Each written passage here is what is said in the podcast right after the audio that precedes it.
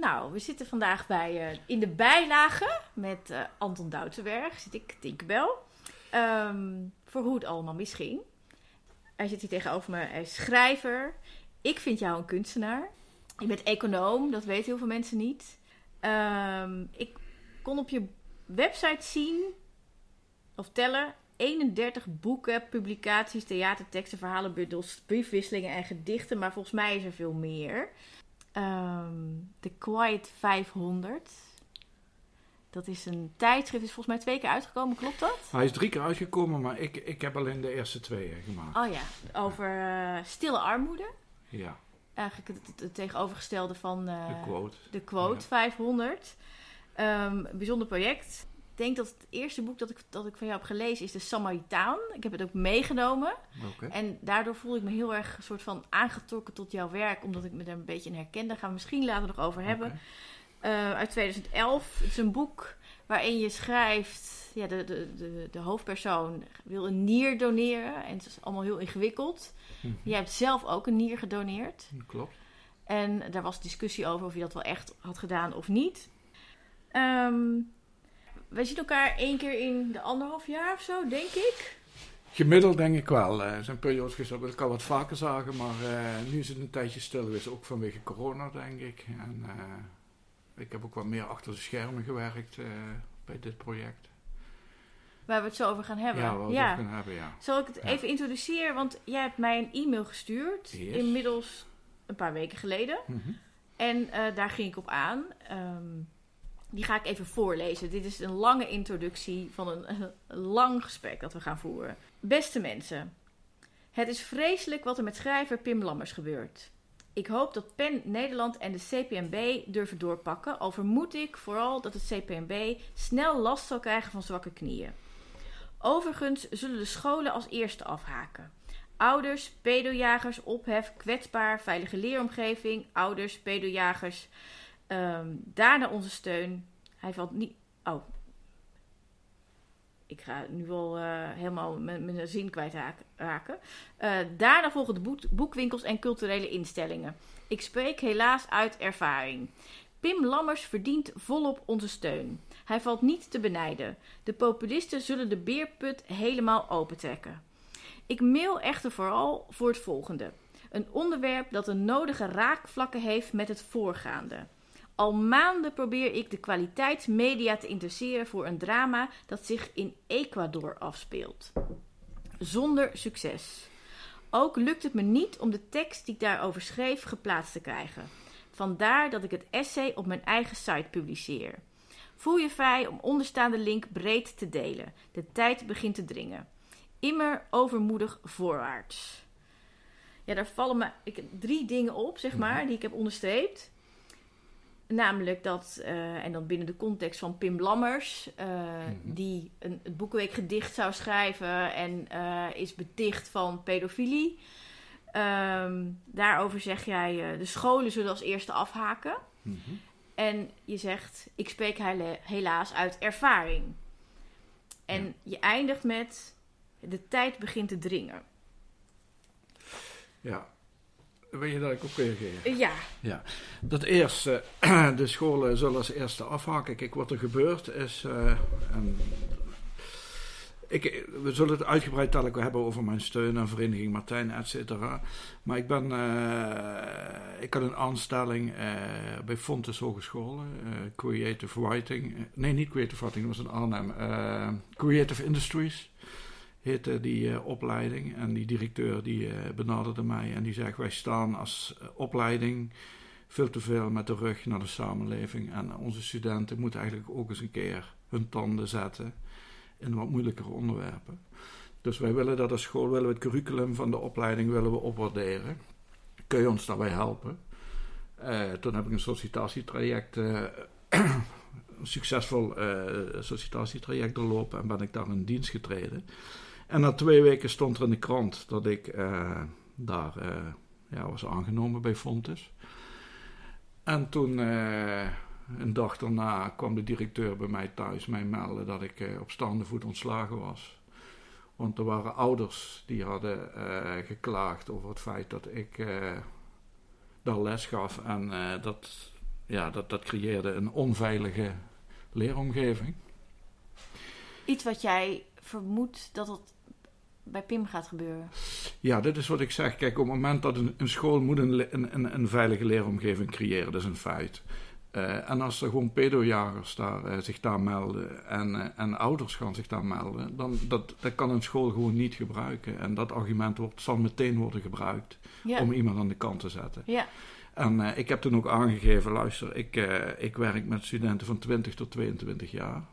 Als, op een hbo-opleiding, zeg maar dan neem je die, uh, ook die, uh, die leerlingen ook niet echt serieus. Hè? Als, zeg maar, uh, als ik Maar laten we eerst even voor de helderheid. Pim Lammers is ja. geen pedofiel. Jij bent ook geen pedofiel. Pim ja. Lammers is geen pedoseksueel. Jij bent ook geen pedoseksueel. Nee. Nee. Nee, maar de, ja, goed. Ja. misschien... Um, Het moet even gezegd worden. ja. Straks zal misschien duidelijker worden waarom jij gebeld bent. Ja. we zullen erop komen. Ja. Um, ik wil je vragen om. Ik heb, ik heb hier mag, eerste... mag ik nog één ding eventjes zeggen over, over die school? Uh, ja. Uh, toen, wat er dan gebeurt, hè, is dan word je ontslagen. Uh, en er werd, er werd ook echt, echt gezegd, omdat ik in de publiciteit zeg maar rond, schrijf en discussieer over het onderwerp pedofilie. En, uh, dus ik, voor de luisteraar was het nog niet duidelijk, denk okay, ik. Nee, ja, nee maar ik, wat ik wil zeggen, toen werd ja. ik, het, het, college van bestuur, uh, die wilde niet met mij praten. Ik mocht niet met ze komen spreken hierover. Het was echt van één kant, ik werd ontslagen. De directeur die mij dus had aangenomen en ontslagen, heeft handtekeningen moeten zetten dat hij geen contact meer met mij uh, zou hebben. En collega-docenten uh, mochten ook geen contact met mij hebben. En ik kwam dus na, na, twee of drie weken kwam een collega van mij tegen in de bioscoop. En die, die liep de andere kant op toen hij mij zag. En ik sprak hem daarop aan en zei: Ja, ik mag niet met jou praten van, uh, van de school. En wat je dan ziet is, wat ik, daarom wil ik dat nog even benadrukken, dat het ook de docenten zelf ook een oren laten hangen naar zo'n uh, gevoeligheid, zeg maar. Dus op het moment dat, dat, dat hen gezegd wordt: Je mag niet met je collega praten, dan doen ze dat ook niet. En dat vind ik ook verontrustend.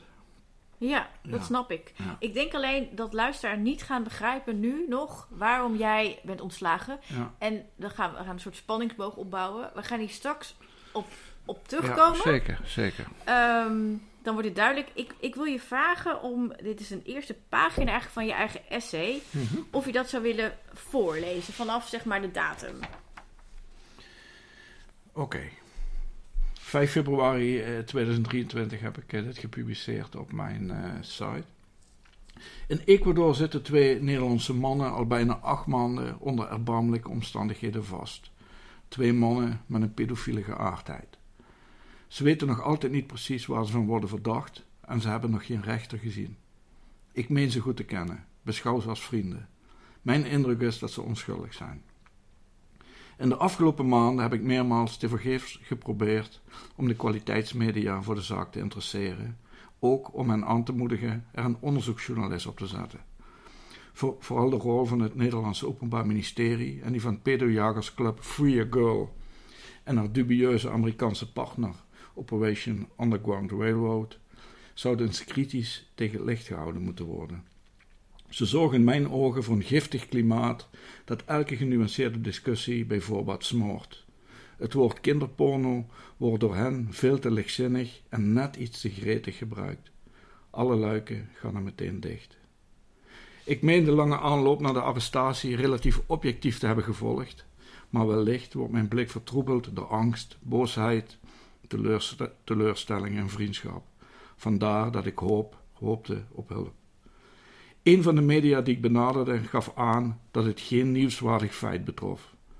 De hoofdredacteur van een opinieweekblad benadrukte dat een gevoelig onderwerp als pedofilie niet vanuit twee gedetineerde pedofielen kan worden behandeld, want wie zegt dat ze onschuldig zijn? Een andere reactie. Ik merk toch een erg groot ongemak bij mij om dit stuk te plaatsen. Dit is de algehele teneur in een notendop. Parkeer de vooroordelen die om voorrang schreeuwen en oordeel niet te snel. Rook hoeft niet altijd te duiden op vuur. Rookmachines hebben immers geen vuur nodig. En pak eventueel de handschoen op. Kwetsbare minderheden verdienen bescherming, geen heksenjacht. Dat is heilzaam voor alles en iedereen. En dan volgt mijn essay. Ja, je hebt het in de laatste zin Ja. heb je het over eh, kwetsbare minderheden die bescherming verdienen. Ja. En ik denk, als je dat zo stelt, Mhm. hè, kwetsbare minderheden verdienen bescherming, dat ehm, in zijn algemeenheid de meeste mensen het daarmee eens zullen zijn. Mhm. Ehm, en dit is in theorie ook gewaarborgd in ons democratisch stelsel. Mhm. Maar over welke kwetsbare minderheden heb jij het hier? Maar ik heb het eigenlijk in zijn algemeenheid over alle kwetsbare minderheden. Maar ik ga natuurlijk nadrukkelijk in het essay op één eh, groep eh, ga ik in. Dat, is, eh, zijn de pedofielen. Maar ik vind dat alle kwetsbare minderheden bescherming verdienen. De, de meerderheid kan prima voor zichzelf zorgen. De minderheid heeft hulp nodig. En zeker als het een kwetsbare eh, minderheid betreft. En ik vind, eh, ook als je kijkt in de wereld, zeg maar, eh, als je een democratie of een, of een samenleving zou willen typeren, dan kun je heel nadrukkelijk, dan kijk ik heel nadrukkelijk, wat doen ze met minderheden, met homo's eh, bijvoorbeeld, met vrouwen. eh. en dan de manier waarop ze daarmee omgaan, geeft eigenlijk de temperatuur aan van, de democratische, van het democratische gehalte van, van, van een land. En, en ik, ik heb altijd gedacht dat in Nederland alle minderheden bescherming in genieten, maar dat blijkt niet zo te zijn. En eh, daar gaat mijn de- des, een essay over. En ja, daar zullen we het ook zo uitgebreid over hebben. Want ik, Ja. vind, ik vind dat ze niet alleen geen bescherming krijgen, ik, zelf, ik vind zelfs dat ze opgejaagd worden. Nou, misschien ehm, zou je kunnen uitleggen wat, wat is eigenlijk een pedofiel? Wat is een definitie van een pedofiel? Nou, ik, ik, kijk, er bestaat be- best wel veel onduidelijkheid over de connotatie van, van, het, van een pedofiel, pedoseksueel, et cetera. In ieder geval, ik hanteer de volgende. Eh, een pedofiel is iemand met pedofiele gevoelens. Dus eh, pedofiele gevoelens, sek- al dan niet seksuele gevoelens voor minderjarigen. En dan vooral voor, eh, ik denk, 12 jaar en jonger zou ik, zou ik als definitie zou willen hanteren. En wat is En, een en, en pedoseksueel? pedoseksueel is, eh, is iemand die, eh, die zijn eh, gevoelens en geaardheid omzet in acties. En die ook echt seksueel contact heeft met. met Dus wat je eigenlijk zegt is dat je een duidelijk onderscheid maakt. Dus de pedofiel die zich aangetrokken Ja. voelt tot... ja, zeker. Ik heb dat altijd heel nadrukkelijk. Ik, keur, zeg maar. ik heb het, volgens mij heb ik het hier eigenlijk. Even kijken. eh, ik, ik zal even voorlezen wat ik hier in mijn essay hierover heb goed. Voor de goede orde, ik blijf uit noodzakken halen. Ik ben geen voorstander van seksuele contacten tussen volwassenen en kinderen. Ik vind wel dat mensen met een pedofiele geaardheid erover mogen dromen en fantaseren. En dat ze over hun verlangens mogen spreken en schrijven. En dat ze, net als de VVD in 1986, mogen pleiten voor een liberalisering van de zedenwetgeving. Sterker nog, ik ben ervan overtuigd dat openheid en transparantie tot meer begrip leiden tot wederzijds begrip. Een ingeboren geaardheid verdwijnt niet door deze publiekelijk te verketteren. Niet in Iran, niet in Rusland, niet in Hongarije en ook niet in Nederland. In ons land wonen naar schatting 150.000 mensen met pedofiele gevoelens, mannen en vrouwen. Wen er maar aan. Praat eens met ze, verban ze niet naar de kelders van de samenleving. En besef dat circa 80% van het kindermisbruik plaatsvindt in de familiekring door zogenaamde gelegenheidspedoseksuelen. En ik denk eerlijk gezegd dat dat percentage nog hoger ligt, omdat dit gebaseerd is op aangiftes. En ik denk dat als op het moment in een familie Welk percentage is hoger? Die 80%, ik denk dat, dat in de familiekring dat, dat, dat er nog meer, eh, zeg maar, eh, Meer seksueel misbruik plaatsvindt. meer seksueel, want het is natuurlijk heel erg moeilijk om, om aangifte te doen. En als het in een familie of een gezin plaatsvindt, dat is een hele hoge drempel om eh, daadwerkelijk aangifte te doen. Dus je zegt eigenlijk een paar dingen. Er is een verschil tussen een pedofiel en een pedoseksueel. Namelijk een pedofiel heeft pedofiele gevoelens, seksuele Mhm. gevoelens voor minderjarigen. Mhm, Een pedoseksueel is iemand die dit tot uiting brengt. mhm. En dan heb je nog niet pedofielen of eh Gelegenheidspedoseksuelen noemen we het even. gelegenheidspedoseksuelen. Mensen die kinderen aanranden, verkrachten, maar in zeg maar general geen pedofiele Ja. gevoelens hebben. Kijk, vorige week was een interview met eh, forensisch psycholoog Wieneke Smit in de Volkskrant. En ik vond dat ze het heel erg goed, eh, dit heel erg goed eh verwoordde. Zij zeggen een paar dingen. Uh, er wordt eigenlijk, dit, dit is een interview naar aanleiding van wat er met Pim Lammers is gebeurd. Oké, ja, ja, ja. Uh, ze, ze zeggen een aantal dingen.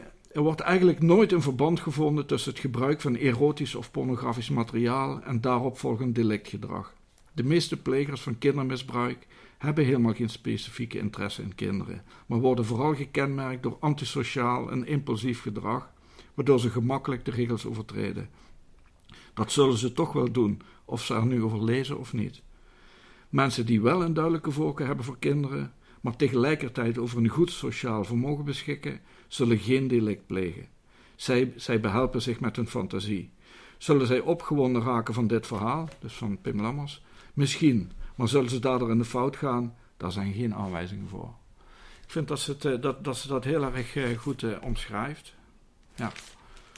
Denk je dat mensen zich dit voldoende realiseren? Nee, want uh, dat, dat, je krijgt gewoon over het algemeen niet de ruimte om zo'n genuanceerde discussie te voeren. Ik merk het ook in mijn, mijn omgeving. Ook mensen die uh, hoog opgeleid zijn en toch over het algemeen relatief genuanceerd denken, die hakken af bij dit onderwerp. Die, die zeggen, natuurlijk hebben die mannen in Ecuador kinderen misbruikt. natuurlijk. En, en als ik dan zeg, waarom? Ja, dat, dat, dat weet ik gewoon. Dat, dat, dat kan niet anders. En ik zeg van, ja, heb, waar, baseer je nou op? En als je dan doorvraagt, ontstaat er niet alleen een irritatie bij die mensen, maar het blijkt ook gewoon dat, het, dat ze gewoon in die buitenste schil blijven hangen. Ze, ze baseren zich nergens op. Misschien een, een, berichtje op RTL Nieuws of zo, snap je? En als ik dan zeg van, luister, ik, ik zit hier al tien jaar in deze materie en ik heb in Ecuador de afgelopen half jaar bijna dagelijks ben ik hiermee bezig, dus ik heb me hierin verdiept. Dat heeft dan voor, voor hen toch te weinig gewicht om dat vooroordeel los te laten. Dus je zegt eigenlijk op het moment dat het woord pedofiel valt of kindermisbruik dan gaan luiken valt... Dicht, gaan de luiken dicht. Dan is het gesprek eigenlijk afgelopen. Ja, en dat is jammer. Kijk, wat zij dus zegt, dat, dat, dat, ik bedoel, hier zit alles in, hè in, in haar omschrijving. Ja, maar het is een heel klein eh, stukje in een groot Zeker. artikel. En ik, ik, ik, heb, ik heb dit natuurlijk al van, eh, van begin af aan heb, heb ik dit benoemd. Het echte kindermisbruik vindt plaats in gezinnen en families. En dat is niet alleen uh, zeg maar, uh, de, de lichamelijke integriteit van een kind aan de orde, maar ook de veiligheid. Kinderen moeten zich thuis veilig kunnen voelen.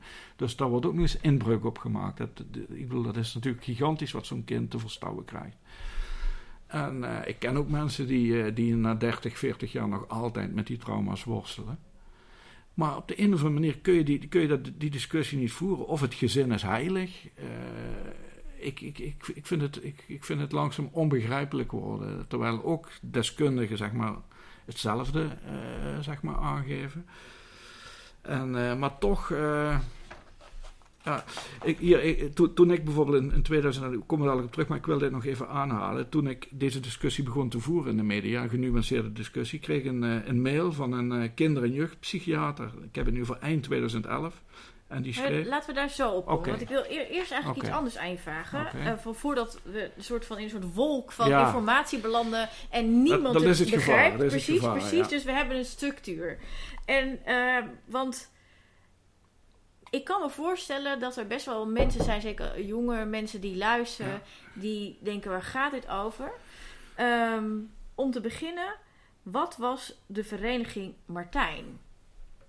De Vereniging Martijn die is opgericht in 1982 en dat was een uh, vereniging uh, van en voor pedofielen. En uh, het doel van die vereniging was niet alleen om steun bij elkaar te krijgen. Pedofielen, dus niet pedoseksuelen. Nee, pedofielen. En uh, ja, dat was in ieder geval de, de opzet in die tijd. Ik weet Waar niet komt die dat, naam vandaan? Dat durf ik niet te zeggen. Okay. Nee, durf ik niet te zeggen.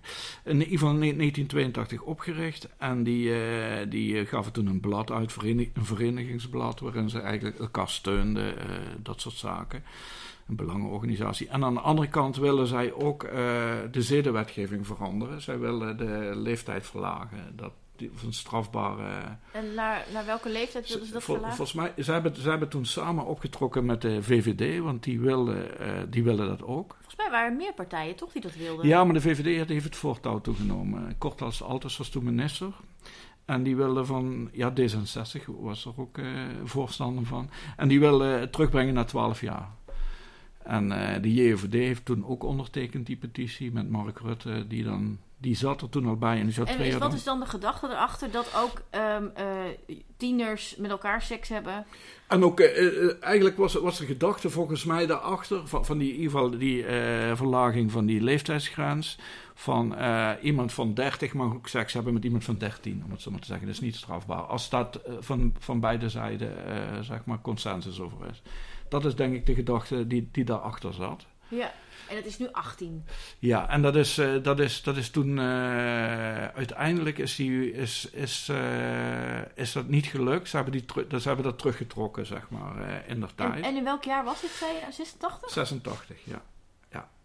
En, en toen heeft Martijn, die is in 82 opgericht, die hebben samen opgetrokken, met, vooral met, met de VVD, om dat voor te bereiden. En, en ook gevoed, zeg maar, in hun... eh, En hoe lag die discussie dan toen? Want nu is het onbestaanbaar dat Ja. een, een, een, een Ja. partij zeg maar, voor de belangen van pedofielen op zou trekken met Ja. een VVD en D66. Blijk, ja, blijkbaar eh, was er op dat moment een, eh, vrij liberaal klimaat, denk ik. Anders zou ik het ook niet kunnen verklaren. Dat eh, was toen een consensus eh, over. En eh, in ieder geval binnen die progressieve partijen.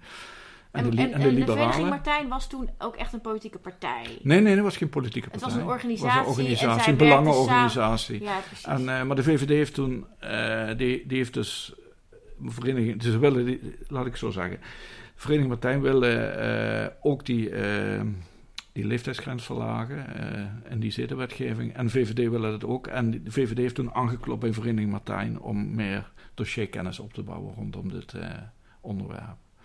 Maar Dus, goed, dus de VVD wil eigenlijk eh, met een liberale gedachte zeggen: Nou ja, we willen die zedenwet, we, we willen de leeftijd naar beneden.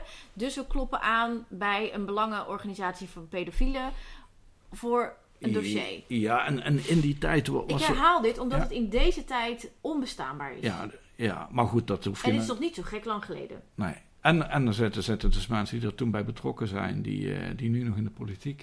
Ja, wie zijn dat dan? Ja, Mark Rutte was toen eh, lid van de Oh, J- JOVD. JVD en die zou twee jaar, de- en twee jaar daarna, later zou hij voorzitter worden van JVD. Dus die, hij is hier ook, eh, hij wist hiervan. Maar goed, ik, ik wil niet, niet we moeten ook, kijk weet je wat vaak gebeurt, dat we het heden willen heiligen door het verleden te verdoemen. Ja, precies. En dat vind ik te makkelijk. Maar dit was, dat was een andere tijd en we hebben het toch alweer over 30, eh, 35 jaar geleden. En, En, en waar je stonden ze nog meer voor, behalve dan dat Ja. die leeftijd? maar ik, wil- ik wil nog één ding hierover zeggen. Wat, wat natuurlijk ook speelde is... Kijk, de wetenschappelijke inzichten zullen, zullen in die tijd ook weer veranderd zijn, om het zo maar te zeggen. toen, Mhm. be- toen beriepen ze zich op onderzoeken waarin vrij liberaal daarover gedacht werd. En later zijn er ook onderzoeken gekomen die gewoon een... eh, o- o- die meer ook schadelijke eh, gevolgen aantoonden van eh, het hebben van eh, ja, oudere, jongere relaties. Want je hebt met machts... eh, eh, Dat heeft met macht, dat te heeft met machtsongelijkheid te maken. Het heeft ook met context te maken. Het heeft met de omgeving te maken, et cetera. Dus- seks tegen je zin is altijd strafbaar. ja, zeker. Maar dus de- daarvoor hoef je niet minderjarig te zijn. Zeker, zeker. Dat, dat, is, dat is zo, ja. Dat werd, dat werd toen zo ge- ge- gezegd. Maar is natuurlijk daarna ook, ook wel, denk ik, voor een deel ook wel terecht... dat eh, iemand van 13, 14 of die goed kan beoordelen. Dat is natuurlijk precies Ja. wat Pim Lammers in zijn boek ook beschrijft. Hè? Ja. Wat, wat nu het fragment dat Ja, steeds zeker, aangehaald. Dat zeker. gaat natuurlijk daarover. Over dat je het als kind niet meer kunt inschatten. Dat je dat niet kunt inschatten. Ik vraag me vaak af of volwassenen het wel kunnen inschatten. Want er lopen ook niet de grootste lichten rond.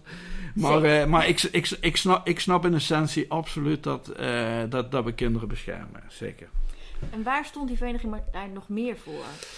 Nou, wat, ik- waar, waren ze Kijk, voor? Wat, wa- wat wa- deden ze? Kijk, voor zover ik het kan beoordelen, ik ben in 2011 lid geworden. Eh, omdat toen die, eh, die heksenjacht echt eh, begon. Ja, dat moet je beter uitleggen. Ehm, Ja. Want we, we hebben het over waar stonden nee, ze maar ik wil, ik, wil, ik wil ermee zeggen van, eh, ik was er niet bij.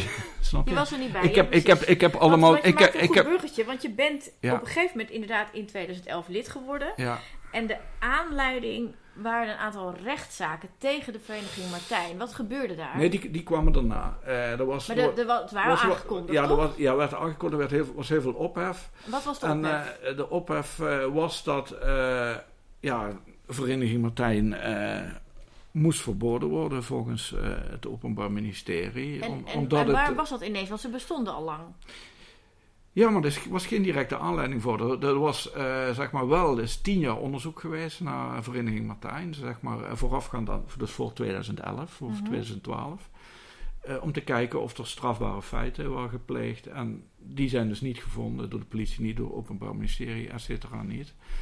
En toen, eh, omdat ze die vereniging wel wilden verbieden, hebben ze hun toevlucht genomen tot het civielrecht. Dus het strafrecht voldeed niet, want er waren geen strafbare feiten. Het ging echt over het gedachtegoed van de vereniging, zeg maar. Het pedofiel zijn blijkbaar en daar, daar muziek bij maken. Want om nog even terug te komen, ik ben toen wel die bladen gaan lezen, ook in die beginjaren, zeg maar, uit de jaren tachtig. En wat je daar ziet is uh, foto's van Erwin Olaf, uh, interview met Henk Krol van het COC, interview met Robert Long. Zeg maar brieven van, van pedofielen die over een verlangens schreven, over uh, hun angsten schreven. Ze hadden een eigen blad. Ze hadden een eigen blad, ja. Dat is, ik denk dat dat wel de kern is geweest van, uh, los nog van uh, hun doelstelling om de zedenwetgeving Hoeveel te mensen waren lid van die vereniging? In wat ik begrepen heb, in de, op de top iets van 500, 600. En die kregen allemaal een soort maandblad? Die kregen dat maandblad, ja. ja en die kwamen bij elkaar? Die kwamen ook bij elkaar, denk ik, ja. ja. ja. Want wat natuurlijk werd gezegd is dat daar, weet ik veel, um, pornografische foto's van kinderen uh, of netwerken werden gedeeld. En dat het, dat het dus dat, dat, dat netwerk ook leidde tot pedoseksuele uitingen. Die wel degelijk strafbaar ja. zijn. Maar ik, zoals ik al zei, ze hebben dus tien jaar onderzoek gedaan en geen enkel strafbaar feit gevonden. Dus dat zit ook niet in de aanklacht van, uh, uh, van het Openbaar Ministerie van de Officier van Justitie om die vereniging te verbieden. Er wordt ook echt nadrukkelijk aangegeven, we hebben geen strafbare feiten gevonden. En, en dit was aan de hand, dus die, die rechtszaak was aangekondigd. Uh, er was al tien jaar onderzoek. En jij besluit om je aan te melden als lid van Vereniging Martijn. Ja, en dat, dat waarom? Ja, uh, om. Uh, om, aan te, om wat, wat, ik eigenlijk merkte in de media, dat er op een hele, indimensiona, hele indimensionale manier werd gesproken over die pedofielen. Bijna alsof het ongedierte was en onmensen. En uh, dat is natuurlijk onzin. Uh, dus ik ben lid geworden uh, om, om met die mensen te gaan praten. Om ook om steun te geven van, ja, ik, ik, er zijn ook mensen die jullie niet als ongedierte zien, die niet pedofiel zijn, dat. En ook om een brug te willen bouwen om ja, het onderwerp bespreken te maken. Maar wat is jouw persoonlijke... Bedoel, er zijn zoveel onderwerpen die besproken Ja, maar ik, ik heb ook heel wat, veel... Wat trok jou aan in dit onderwerp? Waarom dat je, dacht jij, ik ga me hier uh, nog meer mee engageren? Ja, ik heb, ik heb heel veel onderwerpen in de loop der tijd opgepakt. Ook daarvoor al, eh, binnen of buiten de media. Uh, en ik, ik, ik, ik, het is ook een gevoelskwestie. Ik, eh, ik denk van dit, is, dit zijn op op dit moment de meest kwetsbare, dit is op dit moment de meest kwetsbare minderheid van Nederland. En ja, daar, daar, ga ik, daar ga ik induiken, zeg maar. En ja, dus het werd gewoon een symbool, ook voor mij, van zo gaan we dus om met kwetsbare minderheden. En dit waren dus de paria's van de kwetsbare minderheden. En, en, ik voel daar een, ik heb altijd een soort rechtvaardigheid, ik heb een sterk rechtvaardigheidsgevoel. En, uh, en als ik ergens uh, iets aan wil doen, dan, dan ga ik daar ook vol voor, zeg maar. En, en je, je hebt niet nagedacht van, goh, misschien is dat onhandig, of wat zou, dat, wat zou er gebeuren? Ja, natuurlijk heb ik erover nagedacht, maar uh, dat maakt... Ja, kijk, als je overal over nadenkt en, en je gaat alle voor's en tegens afwegen, dan kom je niet in actie. Hè? Dus en ik, ik was, daar zat ik gewoon een stukje naïviteit bij. In die zin dat ik dacht van, ik, ik, ben, ik, ik leg heel duidelijk uit wat ik doe. Wat ik ga doen. Uh, ik ga op een genuanceerde manier daar naartoe. Ik ga luisteren. Ik ga naar die vergaderingen. Ik ga met die mensen praten. Ik ga ander een brug proberen te bouwen tussen de samenleving en die club. Ik heb Tweede Kamerleden uitgenodigd om ook te komen. Niemand kwam. Ik kreeg geen enkele reactie. Ik heb zelf organisaties gevraagd om te komen praten. Niemand kwam. Dus ik wilde die brug bouwen om te laten zien, dit is geen ongedierte en, en, praat daar eens mee. En, en, en, daar kwam ook bij kijken dat ik ook wist, ik kende de onderzoeken, dat het kindermisbruik dus niet plaatsvindt door pedofielen, maar binnen die families en gezinnen. Ook in mijn eigen omgeving heb ik dat meegemaakt. En ik, ik, vind, ik vond dat er een symbool werd gecreëerd van dit is kindermisbruik en het symbool gaan we nu vernietigen. En ik vond dat symbool niet symbool staan voor wat er daadwerkelijk aan kindermisbruik plaatsvond. Dus ik vind... En je kent zelf ook mensen die slachtoffer zijn van kindermisbruik. Ja. Kende jij ook uh, pedofielen of pedoseksuelen? Nee, nee, nee. Dus het was echt iets waar je over had gelezen en je hebt... Uh, ja, ik weet niet of, of ik het herken. Ik, uh, ik, ik, uh, ik, ik, nee, ik denk het niet. Uh, maar ja, ik bedoel, die, die gaan er niet mee te kop lopen. Ik zei, ik, ik zei net al, van, er zijn naar, naar schatting ongeveer 150.000 mensen met pedofiele gevoelens. Mm -hmm. Vrouwen en mannen, maar ik denk meerderheid mannen. nee, ik, ik, ik kende ze niet, dus ik was ook wel benieuwd. Ik zeg, wie ze... ja, ik ben er gewoon echt heel blanco uh, ingestapt. En, uh, en, en uh, want ik, ik begon net ja. even over, over dit boek, De Samaritaan, ja. dat ik hier heb liggen, ja. waar, waar ik aan, zelf aan moest denken. Maar misschien denk je, nee, dit is echt iets anders. Um, jij hebt namelijk zelf een nier afgestaan, maar je wist niet aan wie. je bent een van de weinige mensen die eigenlijk gewoon op een ochtend is wakker geworden waarschijnlijk, of ik weet het niet. Nou, heeft bedacht in ieder geval, weet je, ik heb er twee nieren. Ik geef er één weg, kan me niet zoveel schelen aan wie, maar er is zeker iemand die er wat aan heeft. Alsjeblieft. Het is niet zomaar iets waar je heel lichtzinnig over kunt doen, zou ik denken. Ja, ja en nee. En, ja. en ja. moet ik dat zeg maar een beetje hetzelfde zien? Dat je gewoon bedenkt, oké, ik ga dit, nou, kijk, ik, ik, ben, ik, wil dit ook helemaal aangaan. Kijk, bij, bij zo'n nier... Want je bent ook een onderzoeker. Ja. Kijk, bij, bij, bij, een, bij, een, bij een nier, uh, als je een nier wil afstanden, dan ga je echt door de molen heen. Dat, uh, omdat het heel impulsief kan zijn dat je dat bedenkt. Maar dat duurt eigenlijk een half jaar tot een jaar voordat dat werkelijk zo is. Waarbij je echt heel veel gesprekken gaat voeren. Dus als het impulsief is, dan prikken ze dat doorheen. En dan prik je er misschien zelf ook doorheen. Maar ik bedoel ook te vragen, ja. want ik dit heb je nooit gezegd en het staat ook niet in je ja. boek, maar dit is mijn vermoeden. Ja. Dus, dus als, als ik dat helemaal mis heb, dan ja. moet je dat zeggen. Maar mijn vermoeden is dat een van de motieven voor jou om die nier af te staan ook is omdat je het interessant vindt. Wat er dan gebeurt. En ik je wilt het ook onderzoeken. Ik, ik, ik ben wel nieuwsgierig, maar dat zal zeker een van de. Dus ik, en, en is dat dan dat lid worden van zo'n vereniging Martijn? Speelt dan ook mee dat je het ook interessant vindt om te kijken wat gebeurt hier en wat kan ik daar dan weer verder mee? Want je bent een kunstenaar. Ja. En, je, en je bent een kunstenaar die ook echt dingen meemaakt en het ook echt Ja. doet. Je bent niet, Ja, ik snap waar je naartoe wil, maar ik, je bent ik- niet iemand van de fictie. Het, het, klopt, het klopt deels. Het is, eh, ik heb bij die, bij die nierdonatie... Mijn vader was heel ernstig ziek en die ging sterven. En eh, ik voelde er ook... eh, die, uiteindelijk met euthanasie is gestorven. Ik voelde ook heel veel onmacht, zeg maar, bij eh, wat er gebeurde. En eh, ik denk dat dat het doneren van die nier... Ik heb hem dat ook nog wel verteld, dat ik dat wilde doen. En vond hij, vond hij fijn. Eh, dat dat ook een manier van mij was om, om dat te verwerken. En eh, mensen die in zo'n overmachtssituatie zitten, om die, om, ja, die, die kun je dus helpen op een vrij eenvoudige manier. maar je hoeft dat niet te doen. Nee, maar ja, dat je hoeft geen alles. nier te doneren. Je hoeft Nee. niet lid te worden Nee, van maar ik, zeg, Vereniging dat, ik, ik bedoel te zeggen, dit soort motieven spelen allemaal mee. En ik ben natuurlijk ook onder.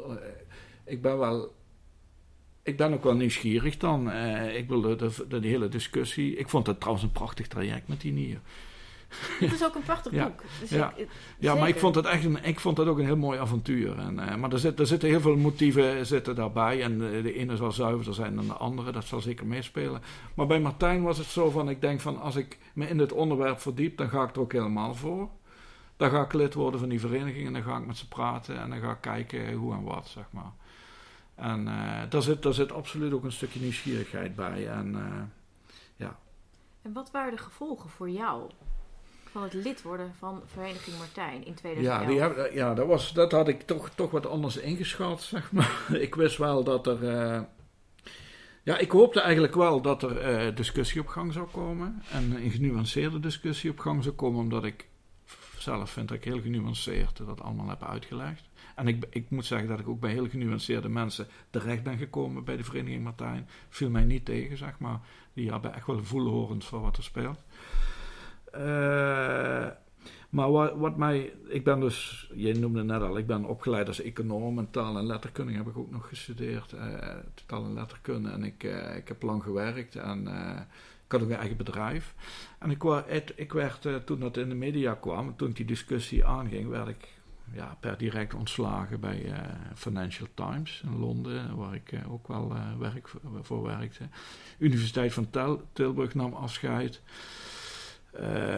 Want je bracht het ook naar buiten. Je werd ja, ja, ja. Ik denk, ik, ik, ik, ga dit, ik ga dit publiekelijk aan om, om die brug Wat te bouwen. Wat heb je gedaan? Je hebt een stuk geschreven? Ja, ik heb dat aangegeven. Dat ik dat, en ook interviews. ja. Dus ik denk van... Ik en daarin heb je uitgelegd waarom je dat hebt gedaan? Waarom, ja, en waarom ik vind dat het belangrijk is dat we, deze, dat we gewoon op een genuanceerde manier met deze problematiek omgaan. Ja. Mhm. Dus die, die ontslagen en ik had een bedrijf en dat ging, ging dus failliet. En, en doodsbedreiging, maar ja, daar had ik wel op gerekend, zeg maar, die kant dat er idioten zijn die, die daar iets van vinden en daar op een bepaalde manier op moeten reageren dat, maar uh, ik had nooit verwacht dat uh, bijvoorbeeld zo'n universiteit, waarin je eigenlijk leert om uh, genuanceerd te denken en elk onderwerp, zeg maar, ook eigenlijk niet uit de weg te gaan, dan toch de handen van je aftrekken. Want wat werd jou verweten? Ja. Dachten mensen dat jij zelf een pedofiel of een een pedoseksueel nee, nee, was? Nee, nee, dat was duidelijk. Ze wisten heel duidelijk wat ik deed. Maar wat ze, ze waren bang dat ze besmet werden door, uh, door in die discussie betrokken te worden. Dus jij werd besmet en jij was weer besmet? Ja, kijk, wie met pek omgaat, zegt me dat verhaal. En ja. zo werkt het ook. dus zo werkt het ook. En uh, ik, had, ik had wel uh, gedacht, ik, ik had, dat heb ik onderschat omdat ik het goed uitlegde. En ze wisten ook wat mijn boodschap was, maar ze zijn gewoon bang voor die, voor die beeldvorming. Ja, zo gaat dat.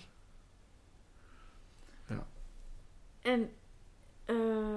Kijk, en wat we, waar we net in het begin over hadden, uh, over Fontes, ja. dat, dat speelde een paar jaar daarna. Dus ik heb een paar jaar. Uh, oh, dat was niet meteen in 2011? Nee, dat was later. Dat was denk ik 2015 of zo. Toen ik uh, weer een keer. Uh, ik heb geprobeerd om van alles met aan de slag te gaan. En, dus je was dus ontslagen van alsnog een Ja, en dan was, kreeg je toch weer een nieuwe baan. Ja, de, de, ja ik werd dus benaderd door de directeur. En, maar ja, je, je zag.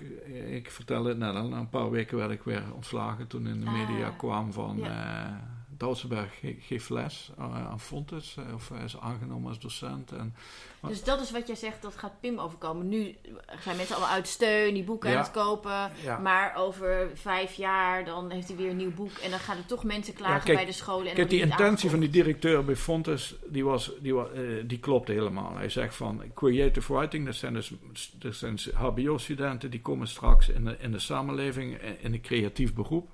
En wij hebben, ons curriculum is eigenlijk te conservatief. Wij moeten gewoon ook wat moeilijkere onderwerpen moeten wij niet uit de weg gaan. En, want die, die krijgen ze, daar krijgen ze straks mee te maken. Dus heel logisch allemaal. Ja, en jij bent de koning van de moeilijke onderwerpen. In ieder geval, ik ben een van de ja. personen, net als jij, die, die, daar niet, die, die er niet wars van is. En die, die dat dan ook aandurft te gaan, aangaat, om wat voor reden dan ook. Dus, dus ik dacht toen van, ha, iemand die het snapt. Ja. Een opleiding die het snapt. Dus ik was blij. Weet je, want ik had die jaar ervoor echt uh, nauwelijks inkomsten. En, uh, dus ik was blij. En, uh, en dat was zo'n klap dat ik toen werd ontslagen en niet mocht praten, niet met het college, tot op de dag van vandaag niet. Ik kan me voorstellen dat dit pijnlijker is dan die eerste ja, mensen die ja, jou hebben ontslagen. Ja, deze was pijnlijker, omdat dan ten eerste die, die littekens begonnen weer te, te, branden. Dat begint nu ook hoor, als ik het, als ik het, als ik het erover heb. Dat is, is, is, is ook wel iets traumatisch of zo of teleur, diepe teleurstelling die toch wel wat traumatische kenmerken heeft. Die tweede keer dat heb je goed geanalyseerd. Dat is een goede uh, conclusie van je. Die deed meer pijn, ja. Omdat ik namelijk toen echt ben aangenomen voor het feit dat ik die onderwerpen niet uit de weg ga. Maar er gingen ouders bellen. Uh, er gingen weet ik wie. En, en dat is wat ik zeg bij die Pim Lammers. Op het moment dat er een school zegt... Pim Lammers komt bij ons voorlezen. En er zijn twee ouders die zeggen mijn kind, uh, ik haal mijn kind van school als hij komt, want ik ben tegen. Uh, te dan kan een school bijna niks anders dan zeggen van. Sorry, sorry Pim, dit is mijn voorspelling, ja. ja. En, en, uh, en als ik dan zeg van CPMB en, en, en, en de boekwinkels, kijk, wat ik merk, Pim krijgt heel veel steun. in, ik kreeg dat in der tijd niet. In ieder geval niet publiekelijk. Ik heb al steun gehad hoor, maar niet publiekelijk. En bij mij werden boeken bekrast teruggestuurd naar de uitgeverij. En de boekhandels, die waren, er waren er die mijn boeken niet willen uitgeven. Ook Samaritaan niet, of niet willen verkopen. En dat heeft zich wel vastgezet ook in die keten. En bij Pim Lammers is, is die krijgt massaal steun hier. Ik heb hem hier, hè, de ondertekening. Ja, ik heb hem niet ondertekend. Jij wel? Ik heb hem ondertekend, maar ik heb daarna een uh, korte brief, uh, ingezonden brief in de Volkskrant uh, gezet. Want er is iets wat me gigantisch irriteert hieraan. En al die bijdragen en die steunbetuigingen. Ik zal hem even voorlezen. Hè? De aanvallen volgden op een kort verhaal uit Pim Lammers in 2015 voor volwassenen schreef. Doodsbedreigingen aan het adres van schrijvers zijn onaanvaardbaar, onaanvaardbaar ongeacht hoe je hun werk interpreteert of wat je ervan vindt. Wij vinden het niet acceptabel dat schrijvers in hun veiligheid en vrijheid worden bedreigd. Ik denk, dat geldt toch niet alleen voor schrijvers, dat geldt toch voor iedereen? Ja. Dus schrijvers komen pas in actie op het moment dat een schrijver, ik denk, wat een gelul. Ja. Wat een gelul, wat een gemakzuchtig, gemakzuchtig gelul. En dat is precies, de politiek is met zichzelf bezig. Uh, de media is met dat zichzelf is, het is bezig. De schrijver. zeg maar. Ja. Deze persoon mag niet Ja. bedreigd worden, maar die andere En, persoon en dit is, vinden we dit terecht. is AIBA. of, dit is eh, AIBA. Ja, en dit is. AIBA. Maar als ze zeggen, wij vinden het niet acceptabel dat schrijvers in hun veiligheid en vrijheid worden bedreigd. Als ze nu hadden gezegd, wij vinden het niet acceptabel dat mensen in Ja. hun veiligheid en vrijheid worden bedreigd, of burgers, dan, eh, dan is het raak. Dan, dan til je dit op. En nu vereng je het naar schrijvers. Ja. Schrijvers die met zichzelf, oeh, oeh, schrijvers ze hebben toch wel wat moeilijk. Ja. En dan komen wij zo uit bij de jongens, weet je wel, waar we het over hebben. Of mensen die geen stem hebben. En dat, dat zit in Ja. alle stukken die je leest, zeg maar. Oh, bij schrijvers, wat hebben we toch schrijvers? Moeten... Ik denk, ja jongens, kijk eens naar de samenleving en kijk niet alleen naar jezelf. Laat, Is dat, eh, het is een beetje die is dat tijdgeest. naïviteit? Het is de tijdgeest, ik vind ik. Ik bedoel, je, je ziet het Maar, maar deze brief, is deze brief, hoe die is opgesteld, is dat naïef?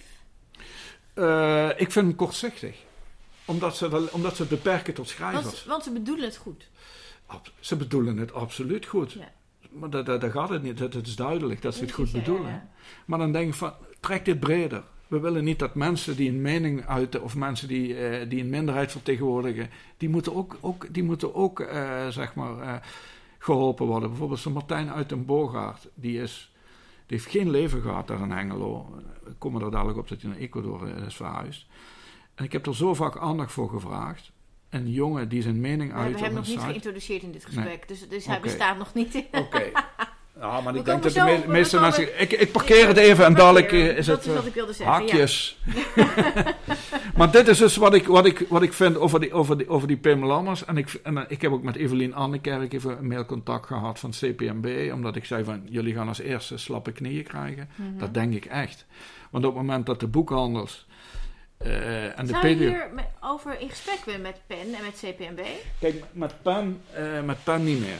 Ik heb pen toen ik de tweede keer werd ontslagen. Misschien eh, moet je even uitleggen wat PEN is. PEN, eh, ja, dat is een organisatie. Wat staat PEN eigenlijk voor? eh? ik weet niet waar de is afkorting een, is een, eh, is een wereldwijde organisatie die opkomt eh, voor schrijvers, weer schrijvers, die, eh, die eh, vanwege hun eh, ja, schrijfsters of gedachten of, of, of uitingen zeg maar bedreigd worden. Ik heb ze toen eh, benaderd toen ik eh, werd ontslagen door Fontes. En toen kreeg ik als antwoord: Dit heb je zelf veroorzaakt. Want als je over, zulke onderwerpen schrijft, weet je, dat je wat je gaat krijgen. En toen heb ik gereageerd van... Denk je dat die dissidente schrijver in Iran en China niet weet wat hem mogelijk boven het hoofd hangt als hij dat schrijft? Het is, het dezelfde reflex. Precies, ja. Het is precies hetzelfde. Ik zeg, natu- ik, ik zeg van eh, die schrijver in China, of een, eh, weet je, die hebben het veel moeilijker. Dat, dat- ik bedoel, eh, maar het is dezelfde reflex. Dus om mij niet te helpen.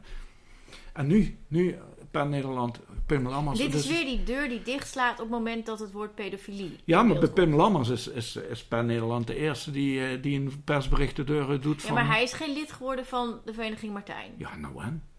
Nou ja, ik bedoel, even advocaat Ja. van de duivel. Ik, ik zie daar wel een verschil. Ja, maar ja, wat is er mis mee? Om, eh, ik bedoel, eh, had, misschien had hij het wel. Nee, hij was te jong toen. Ik bedoel, als je over dit onderwerp schrijft, kun je er ook in verdiepen. Hè? Zou, zou je kunnen zeggen. Hè? Ja. En, eh, maar goed, ik, ik, ik, ik, bedoel, ik vind fris, ik vind erg wat er voor. Ik, ik wil hem helemaal niet dissen, want hij is gewoon echt nu een slachtoffer. Dat is absoluut zo. ja. En dan komt hij waarschijnlijk niet meer uit, zeg je. Eh, dit stigma blijft eh, plakken, ja. Omdat er namelijk... Wat zou je hem adviseren? Ik had hem eigenlijk... Ik had hem, als hij mij had benaderd, hè, had ik geadviseerd... Zet door en publiceer dat gedicht. Want dan moet iedereen met de billen bloot. Dan moet de CPMB met de billen bloot. Dan moet PEN met de billen bloot. Iedereen. Dat had, zou ik hem geadviseerd hebben, ja. Ja. Zet door. Kan nog. Kan nog. Kan nog, ja. Ja, ik weet dat hij eh, in het... eh, hij is eh, even richting buitenland gegaan om alle commotie te ontlopen. En kijk, weet je wat er ook een verschil is? De speel, ik kan, de gevoeligheid snap ik goed. Hij is kinderboekenschrijver. Mhm. Dat is gevoelig. hij is jonger. Ja. Weet je, toen het mij overkwam, had ik al veel gezien. Ik had bij ministeries gewerkt, bij Financial Times, eh, bij grote bedrijven, et cetera. En dan ben je toch wat geharder, om het zo maar te zeggen. Minder naïef en minder kwetsbaar. Dus ik ging er vol in. Mhm. Wel op een genuanceerde manier, maar Nou ja, in. en jij wist met dat je lid werd van de Vereniging Martijn. Misschien niet reacties. in die mate, Ja, maar je reacties, wist wel, daar, daar gaat iets komen. Zeker. Dus maar je ik wil, ook, ik, wil, ik wil ook dat er iets kwam, want ik wil die discussie. Precies. En dat Zeker. geldt, daar ga ik even vanuit, voor Pim Lammers natuurlijk niet. Kijk, dat verhaal verstamde uit, uit 2015, geloof ik, zeven jaar eh, Ja, terug het of is, zo. het is een kort verhaal. Ja, ja. Nee, zeker, zeker. Dus eh, dat, dat, ik denk dat dat eh, bij hem helemaal... En dan zegt hij van, nu, als eerste reactie zei hij, dit, dit is het verhaal van een vriend wat ik heb opgetekend. Ik denk, ja, of dat nou uit de werkelijkheid komt of niet, dat maakt helemaal niet uit. Mhm. Maar goed, ik, ik, snap, ik snap wel dat die jongen nu een probleem heeft. En ik ben geneigd te denken van, omdat ik zie dat Nederland conservatiever en conservatiever wordt. En dat die populisten heel hard schreeuwen. En dat de intellectuelen er geen antwoord op hebben, want die weigeren terug te schreeuwen. Om maar zo te zeggen. Die willen de nuance. Dus je- Maar is dat populisme of is dat cultuurmarxisme? ja, hoe, hoe definieer je cultuurmarxisme? Populisme is een manier van dit, dit propaganderen.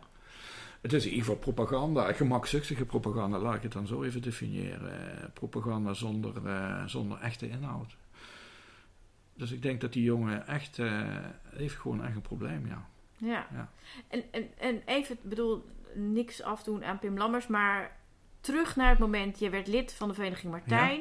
En dat was net voorafgaand aan een rechtszaak tegen. Ja, het Openbaar Min- Ministerie had dus Kun aangegeven... je, kun je Ja? vertellen hoe dat ging, die rechtszaak? Eh, ja, Kort. we hebben die, we hebben, ja, Kort. kort. We hebben die, ik, toen, ik, ben, ik heb die toen mede voorbe- voorbereid met de Want je hebt daar gesproken. Nee, ik heb niet gesproken uiteindelijk. Ik heb ze wel vertegenwoordigd, maar er kwamen helemaal geen vragen. Maar ik zat daar wel namens de vereniging. Ik, eh, hoe heette de advocaat? Ik weet het allemaal niet meer. Maar in ieder geval, ja, dat, dat, dat werd bijna afgehandeld als, eh, ja. Ja, nou, kijk, weet je, wat, dus ik vond dat de advocaat had een eh, heel goed betoog.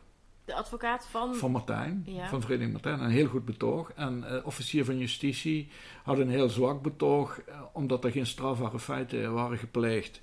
Hadden ze een, een eh, criterium bedacht om, om de uitingen van, van Vereniging Martijn te, te kwalificeren. En hadden ze het baggehalte hadden ze daarvoor geïntroduceerd. het ba Het baggehalte. En dan hadden ze dus aangegeven van dit, dit krijgt een hoog baggehalte en dit krijgt een laag baggehalte. Ba als in gadver. Ja, ja dat- omdat er geen strafbare feiten waren. Dus ze hadden een baggehalte van afschuw.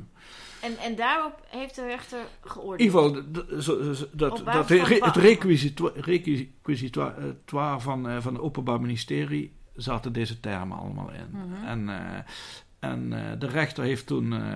en, en toen dacht ik eigenlijk van, dit is, dit, dit, dit is lachwekkend. Dit, wordt, dit wordt gewoon van tafel geveegd. Weet je wel. En toen kwam toen toch van verboden. En op welke grond is dan de Vereniging Martijn Ja, verboden? even kijken, ik, ik, kan je precies zeggen wat dat, eh, wat dat toen... ongeveer. Ja. Nee, maar er werd, er werd echt gezegd van het, het gedacht... Even kijken, ik ga, ik ga het wel even precies zeggen hier. eh, vind ik wel belangrijk. Oh, hier, het gedachte... Ik heb het letterlijk zelfs uit het verzoekschrift van requisitoire. Het gedachtegoed en de wijze waarop dit wordt geuit... moet als een ernstige bedreiging voor de lichamelijke en seksuele integriteit van het kind worden gezien. De gedachte. Het gedachtegoed, ja, ja. En de, en de wijze waarop dat wordt geuit. Echte gedachten. Want ik zei, er waren geen strafbare feiten. En toen zijn we een hoger beroep gegaan met dezelfde advocaat. En, eh, dat, en eh, het Openbaar Ministerie wilde dat toen, probeerde dat, eh, zeg maar, niet, geen doorgang te laten vinden. Omdat ze zei, een vereniging die verboden is, kan geen hoger beroep aantekenen. Beetje Kafkaeske redenering. Maar goed, het Hof heeft het, wel, heeft het dus wel behandeld. En die heeft gezegd van, heb ik ook hier, hier letterlijk... Eh, het Hof gaat hier niet in mee, dus die eh, uitspraak van de rechter. En oordeelt in april eh, een dreigende ontwrichting van de samenleving dat er geen sprake van is en dat de vereniging dus niet verboden kan worden. Volgens het Hof dient de samenleving ook uitingen voor lief te nemen die in brede kring worden verafschuwd. Bovendien zijn de uitingen en gedragingen van Vereniging Martijn niet strafbaar. Dat zei het Hof. Maar toch bleef het verboden. en toen is het Openbaar Ministerie is naar de Hoge Raad gegaan. Ah, dus in het hoger beroep zijn ze vrijgesproken? Zijn ze vrijgesproken. En, toen, en toen is het Openbaar Ministerie gezegd, wij gaan naar de Hoge Raad. Ja. En, eh, en een van de redenen waarom het toen eh, is verboden, zeggen ze, deze maatschappelijke opvattingen, dus van Vereniging Martijn, worden ook buiten Nederland, of de maatschappelijke opvattingen over het gedachtegoed dat je wil hebben, worden ook buiten Nederland breed gedragen. En Nederland, nu komt het, heeft zich internationaal verplicht in dat verband maatregelen te nemen. Dat stond er heel nadrukkelijk in. Dus Brussel kijkt dus heel nadrukkelijk mee. Dus Nederland heeft laten zien, kijk eens wat wij allemaal doen. Weet je waar wij... eh, Wij verbieden om Ja. Ja. je te organiseren als je dit, Ja. deze gevoelens hebt. ja, precies, precies. Ja. Ja, dus eh, de Hoge Raad. En toen eh, he- hebben, we- heeft Gerard Spong en Sidney Smeets, twee advocaten, hebben eh, de zaak aanhangig gemaakt bij eh Europees Hof voor de Rechten van de Mens. Mhm. En die hebben gezegd, wij nemen het niet in behandeling. En op welke grond hebben ze dat niet gedaan? Gewoon... Eh, eh, eh, eh, hebben het gewoon niet gedaan. Eh, ja, en toen hebben Spong en Smeets gereageerd. Ik, ik lees het er even voor, want... Ik, Dit is nog niet zo gek lang geleden, toch? 2015.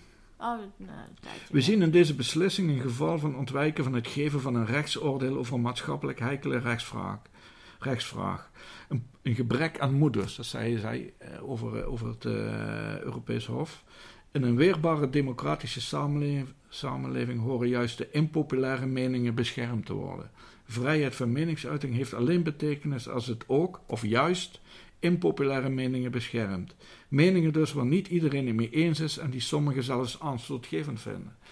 En daarmee was het dossier gesloten, want eh, je kan niet verder gaan naar het Europees Hof. Ja. Hey, en zijn er andere landen waar soortgelijke verenigingen bestaan, zoals de Vereniging Martijn? Weet jij daarvan? Vast en zeker, maar ik, ik, ben, daar niet, ik ben daar niet echt goed van op de hoogte. Nee. Nee. Maar ik weet wel, hè, wat, en dat is een vermoeden wat ik heb, hè, van waarom het Openbaar Ministerie zo nadrukkelijk dit door heeft gevoerd. Hè. Mhm. Eh, en dat is eh,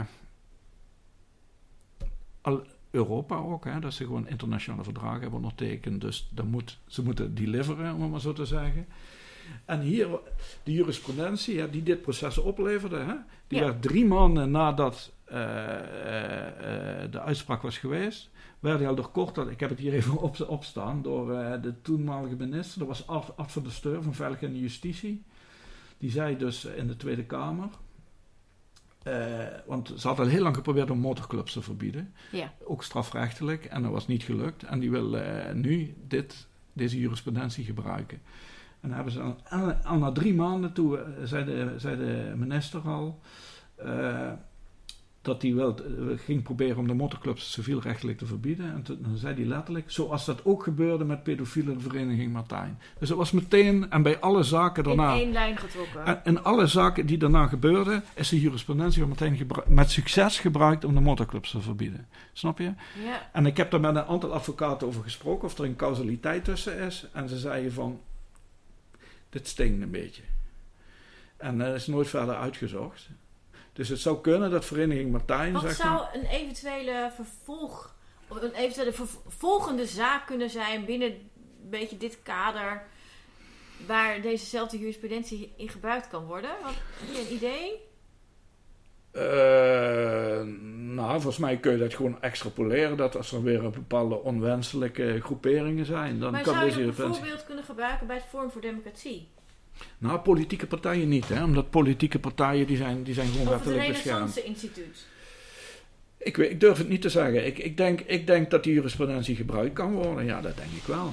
Ja.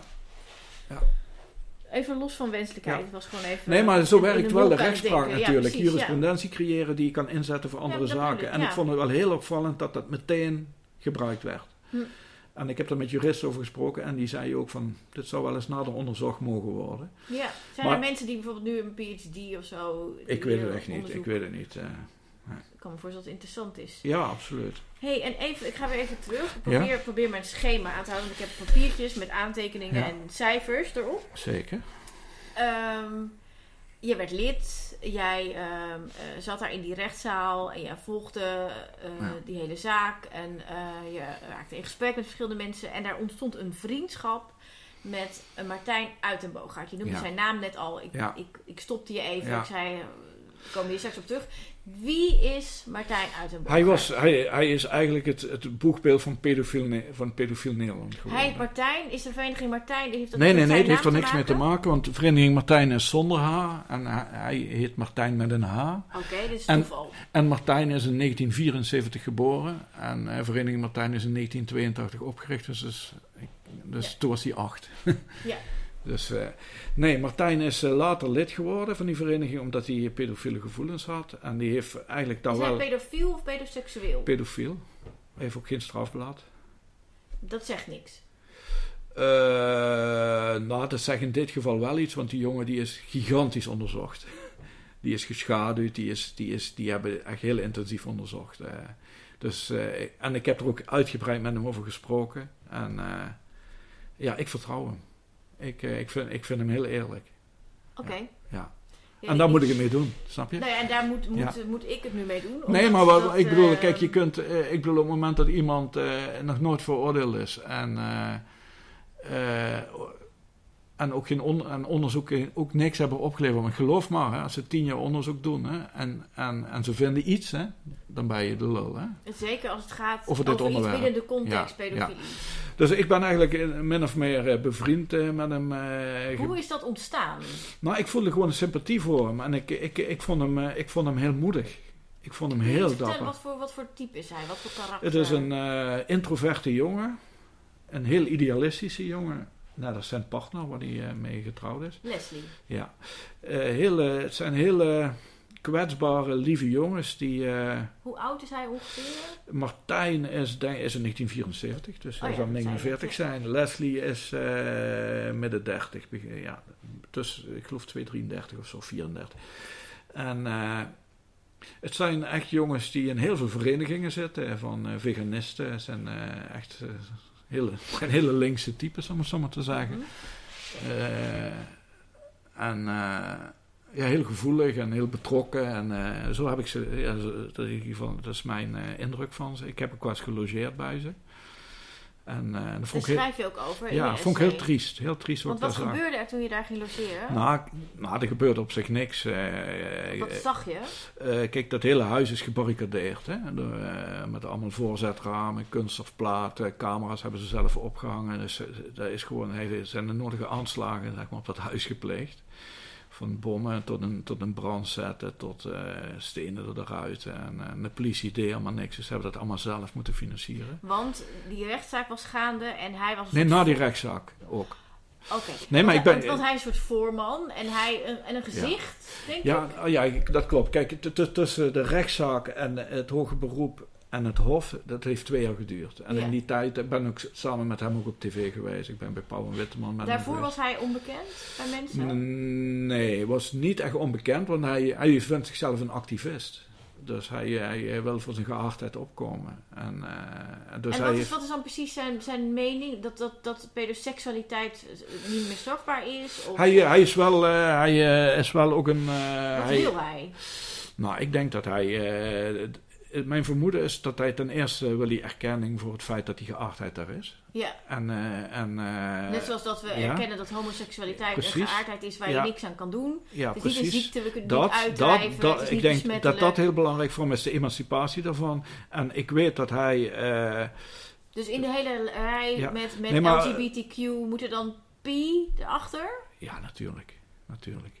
Natuurlijk. Maar wat ik, eh, wat, ik, eh, wat ik eigenlijk wil zeggen over die, over die pedoseksualiteit. die- kijk, ik, hij wil wel eh, die zedenwetgeving naar beneden. Hè?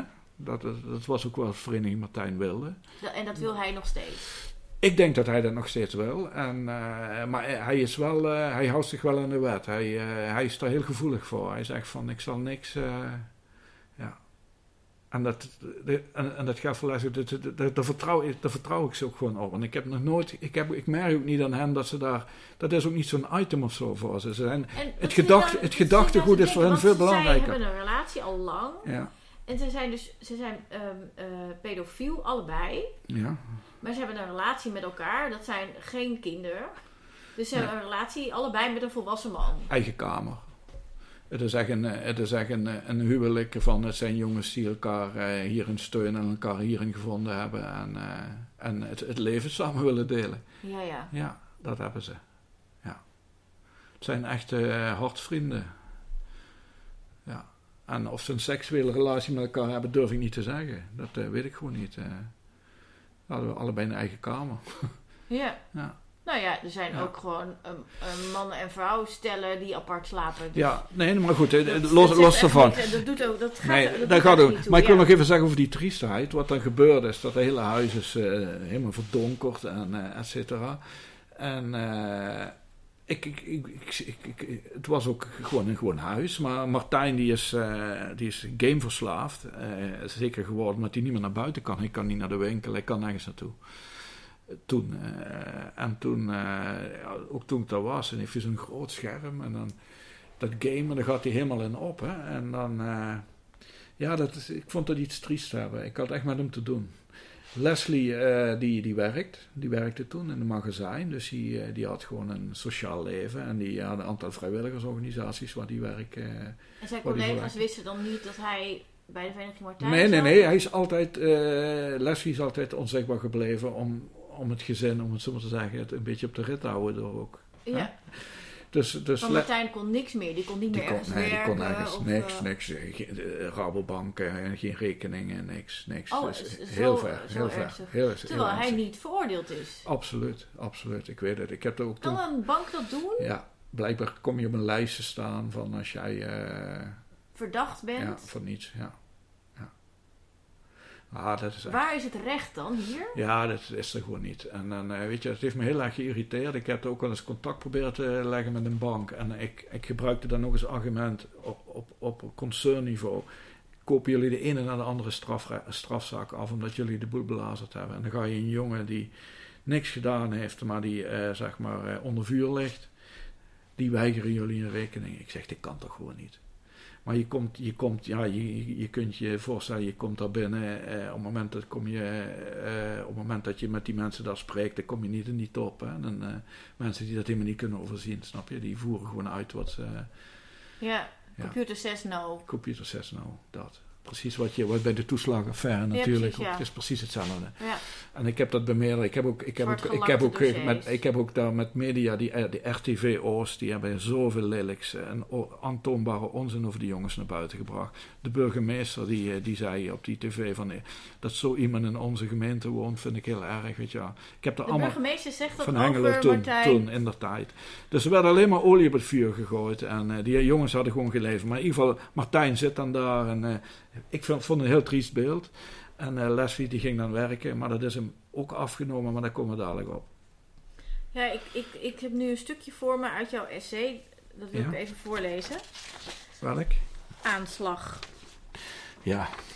Ja, dat is een goede brug nou, eh, vind ik. Ja. Ja. Het is wachten op de dag dat er een aanslag op Uit en Boogaard zal worden gepleegd. Het wordt een ochtend in 2020. Een 41-jarige man uit Spakenburg dringt 's morgens vroeg het huis van Martijn en zijn partner Leslie binnen, rent de trap op, gaat de slaapkamer binnen en dreigt Martijn met een fileermes dood te steken. Een logerende vriend hoort de geluiden, kan op tijd ingrijpen en slaat het mes uit de handen van de man die naast het bed van Martijn staat. De man vlucht, maar wordt kort daarop gearresteerd. Nog dezelfde dag wordt hij vrijgelaten, maar hij krijgt wel een gebiedsverbod opgelegd. Een rechtszaak volgt. De man hoeft niet de gevangenis in, de rechter geeft hem een taakstraf van 150 uur. Deze man, die al acht keer was opgenomen vanwege manisch-depressieve klachten, beweert dat hij de woning was binnengedrongen vanwege berichten in de media. Daarin stond dat in het huis van Martijn een kinderkamer met dildo's was aangetroffen en dat de partner van Martijn was aangehouden op verdenking van het voorbereiden van kindermisbruik. Wie heeft dit gepubliceerd en wat is daarvan waar? Wat, wat gepubliceerd bedoel je?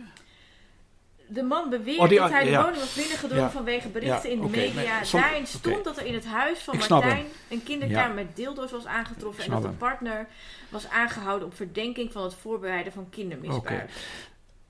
Ik wil er twee dingen. Eerst, eerst het eerste stuk. Wat ik wil zeggen is dat die man een aanslag pleegt. Dezelfde dag vrijkomt en alleen maar een taakstraf krijgt. Als het bij een politicus was. Kun je zelf invullen wat er Ja, gebeurde. maar nou goed, dat is, dat is Ja. volgens mij een nieuwe wet dat bij politici en bij eh, politieagenten dat er een dubbele straf eh, iets. Ja. Nee, nee, maar dat niet alleen. Maar een Ja. man, eh, een aanslag op iemand, die dringt een woning binnen met een mes. Hè? Dat, is, dat, Ja. is, en, en dat is al heel erg. Hè? ja, dezelfde dag Ja. vrij is, Maar is heel raar. Ja. en, en ook geen st- gevangenisstraf krijgen, et cetera. Maar goed, dat is één. Eh, de, de, er, vond een, hui- er is een huiszoeking heeft er plaatsgevonden. eh waar die man aan refereerde was een bericht wat er eh, in de media stond. Mhm. RTL Nieuws of RTL, die, die, hebben, die hebben eigenlijk naar buiten gebracht van Vereniging Martijn is weer actief. En Vereniging Martijn Voor of na deze aanslag? voor. En, da, da- en ik kom zo bij het bericht wat er... ja. Dus RTL heeft gezegd van wij hebben onze onderzoeksjournalist is eh, undercover een mailgroep, eh, eh, bij een mailgroep terechtgekomen. eh Vereniging Martijn bestaat nog. En eh, er was dus een mailgroep van... eh, Terwijl het was verboden. de vereniging was verboden, maar er was een mailgroep, weet je wel, eh, van, van enkele mensen die met elkaar eh, contact hadden. Zonder strafbare... eh, dat Dus komt het was gewoon een aantal mensen die naar elkaar mail, mailtjes Ja, naar mailen, mailen. sturen. Een, soort appgroepen op mail, Ja, ja, weet je wel. Ja, ja, ja, ja, ja. En, eh, en toen heeft RTL, eh hebben aan de bel getrokken bij het Openbaar Ministerie. Die hebben gezegd, hey, Vereniging Martijn is weer actief. En En hoe wist, wist RTL van deze mailgroep? Ja, die zijn op onderzoek. Die, die hebben vaker dat ze gewoon zo een, een ondergroepje onderzoek oppakken of zo, denk ik. Of er is een gerucht geweest van, eh, denk ik. Oké. Dat weet ik, weet ik dus niet eh, helemaal eh, precies hoe dat ging. Dus vaker zijn dat soort van die, van die Alberto Stegeman-achtige types die ergens opduiken. Ja. Ja. En, maar in ieder geval, wat er toen gebeurde is. Toen, heeft, toen, dat, toen RTL eh, zei dat, eh, van, eh, en dat was trouwens was geen besloten mailgroep, er konden ook andere mensen konden zich daarbij aansluiten, ook een onderzoeksjournalist. Beetje zoiets als nettime. Durf ik niet te zeggen. Ah. Ik, denk dat, ik denk dat het nog niet eens zo geformaliseerd mail, was. mailinggroep waar je voor kan aanmelden. Er, er zijn misschien 16 man die met elkaar wel eens ja, contact precies, hebben, snap je? ja, ja. En, eh, want die mensen, ja, de, de, rechter had ook niet gezegd van de vereniging is verboden, jullie mogen geen contact meer met elkaar hebben. Weet je, dat waren vaak vrienden, die, die vriendschappen die jarenlang teruggingen. Maar goed, in ieder geval toen eh, heeft het Openbaar Ministerie is binnengevallen bij Martijn Leslie en eh, bij Norbert. Norbert komt dadelijk ter sprake. En, de, en die zeiden van, ze legitimeerden die inval door te zeggen er sprake van... Oh, Op- ik heb, ik heb hier een stukje omcirkeld. Met de, daarbij staat voorlezen. Misschien, ik, want ik denk dat je hier naartoe wil. Klopt dat? ja, Wil je dit voorlezen? helemaal voorlezen. Helemaal voorlezen. Oké, ah, fijn. Ik vind het heel fijn dat het even dat ik daar een cirkeltje omheen heb Dat, gezet. nee, maar, dat, nee, het maar ook dat ik maar ook de ruimte gemakje. krijg om het even rustig... eh, Jazeker, we hebben de ja, tijd. Ja. ja. Maar inderdaad, eh, hier komt als dat eh, RTL, bla bla bla. Ja. In 2020 vindt een huiszoeking plaats in het huis van Martijn en dienstpartner Leslie. Die wordt juridisch gelegitimeerd door Martijn te verdenken van opruiing. Dat is ook wat eh, bij Extinction Rebellion werd ook het eh, opruiing werd ook gebruikt als legitimatie om binnen te vallen. Ja. Weet je wel. Dat, is, dat is hip op dit moment. Het Openbaar Ministerie verwijst daarbij naar uitingen op zijn web, websites en in de media. Leslie wordt tijdens de huiszoeking gearresteerd, vervolgens tien weken in isolatie geplaatst en pas na een half jaar vrijgelaten. Nu Oh, komt- Nog een keer. Wat? Leslie wordt tijdens de huiszoeking gearresteerd, vervolgens tien weken in isolatie geplaatst. en- Isolatie. ja, is in isolatie geplaatst. Tien weken en pas na een half jaar vrijgelaten. Op, op grond waarvan? Het, het Openbaar Ministerie brengt naar buiten dat Leslie wordt verdacht van voorbereiding van het ontvoeren en verkrachten van een kind. Ook meldt het Openbaar Ministerie dat in het huis van Leslie en Martijn een kinderkamer is aangetroffen en in de schuur een studio om kinderporno te maken. Op Leslie's slaapkamer worden seksattributen gevonden, waaronder dildo's. Op Leslie's slaapkamer. En in zijn rugzak worden volgens het Openbaar Ministerie onder meer een Stanley-mes, glijmiddel en verdovingsmiddel eh, aangetroffen, die duiden op het voorbereiden van de misdaad. Het Openbaar Ministerie laat Leslie vervolgens twee jaar bungelen. Eind april 2022 komt de zaak eindelijk voor de rechter. De beschuldiging van voorbereiden van ontvoering en verkrachten van een kind is uit de aanklacht verdwenen. Evenals het bezit van tientallen plaatjes met kinderporno. Er is volgens het Openbaar Ministerie toch ook geen sprake van een kinderkamer en ook niet van een studio om kinderporno te maken. De tie webs en het Stanley mes bleek Leslie, net als zijn collega's in het magazijn, nodig te hebben voor zijn werk. Hij is magazijnmedewerker. Het glijmiddel betreft een potje working hands crème. Hij heeft vanwege zijn fysieke werk handkloven. De verdovingsmiddelen betreffen magnesiumpillen om terugkerende pijn in de beenspieren te verdoven, in gevolg van Leslie's veganisme. En dit, door dit persbericht, door dit allemaal, weet je wel, is, Ja, ja. Dit allemaal, is die aanslag, bla bla bla. Heel erg vind ik dit, maar goed, verder. Omdat ze geen gezichtsverlies kunnen leiden, krijg je het volgende. Het Openbaar Ministerie. De aanklacht tegen Leslie is door het Openbaar Ministerie teruggebracht tot het maken en bezitten van kinderporno. De eis een jaar gevangenisstraf, waarvan vier maanden voorwaardelijk. Leslie wordt veroordeeld tot een gevangenisstraf van tien weken. Tien weken. Maken van kinderporno, tien weken. Hij zal een half jaar aan voorlopige hechtenis. Uit het vonnis. De verdachte heeft zich schuldig gemaakt aan het vervaardigen van een filmpje met daarop kinderpornografie. De verdachte heeft namelijk met seksuele bedoeling de blote billen van een minderjarig jongetje gefilmd. Ik heb er een tussen haakjes achter gezet met seksuele bedoeling. Hoe meet je dat? Leslie maakt al jaren familiefilmpjes voor een bevriend gezin. Tijdens een van die opnames laat een van de kinderen uit baldadigheid zijn broek even zakken. Het Openbaar Ministerie heeft dat beeld uit het filmpje geknipt en aan de rechter voorgelegd. Kinderporno. Een door Leslie's advocaat overlegde brief, waarin een van de ouders schrijft dat Leslie onschuldig is en snel vrij moet komen, wordt door de rechter genegeerd. Leslie doet na zijn vrijlating twee zelfmoordpogingen en hij blijft met depressies kampen. Zijn werkgever, buurtgenoten, de vrijwilligers, vrijwilligersverenigingen waar hij bij betrokken was en veel vrienden willen niets meer met hem te maken hebben. Hij moet opeens door het leven met een strafblad waarin staat dat hij is veroordeeld voor het vervaardigen van kinderporno. Leslie gaat niet in hoger beroep, want, dan- want dat kan hij mentaal niet aan. Ja, dat is onvoorstelbaar. Hè? Hoe dit hier staat, zou ik denken, wat, Ja. wat is er in godsnaam gebeurd? Erg, hè? En hoe was jij Kijk, Martijn, kijk, maar ik, Want ik, jij ik, kende ik- deze jongens. ja, ik, ik heb dit gevolgd. Ik heb heel veel, eh, Martijn eh, was natuurlijk heel erg verdrietig eh, dat. Je bent heel erg met je voet Oh, sorry, schuiven. dat hoor je. Dat gaan mensen horen, ja. Ja. Mensen, als jullie hoor je- raars horen, dat dat ben is, ik. dat ik, ben, is, ik ben een beetje neurotisch en Ja. beweeglijk. Ja. Kijk, kijk, Martijn werd niet gearresteerd en meegenomen, Lynn Leslie. En waarom is dat? Eh, ja, eh, omdat ze in die tas eh, vonden ze, zeg maar... eh, Tie-webs. en een, glij, En- en een glijmiddel, zeiden ja, ze, et cetera. Kijk, en wat Martijn zegt, en ik ben bang dat hij gelijk heeft. Hij zegt, Leslie is gearresteerd om mij te intimideren, want hij is uitgesproken. Hij is de, het gezicht van pedofiel Nederland en hij laat zich de mond niet snoeren, Martijn. En hij denkt echt van, Leslie is opgepakt, want hij is de man van. En eh, ik, dat kan ik niet beoordelen, maar ik weet wel dat als je naar het persbericht kijkt van het Openbaar Ministerie bij de arrestatie, en wat er dan van overblijft, is om te huilen. Hè? je kunt die dingen naast elkaar leggen. Ja, ja, tuurlijk. Ja. Ik bedoel, op het moment dat hij dan. eh, En dat ze dan ook, weet je wel. eh, ik heb hier met Sidney Smeets uitgebreid over gesproken. En die zegt van: Ik krijg dit niet uitgelegd, zegt hij aan mijn collega's en mijn vrienden. Dat als je bevriende filmpjes voor een gezin maakt. en een van die jongens trekken ze dat broekje af, weet je wel, uit baldadigheid. Dat, dat doen kinderen, hè Mhm. als ze zich veilig voelen en een fijne omgeving hebben. En dan, en dan zeggen ze van ja, hij heeft het gefilmd met seksuele bedoeling. Hoe weet je dat dat het met seksuele bedoeling is? Wie, wie projecteert dat daarop, snap je?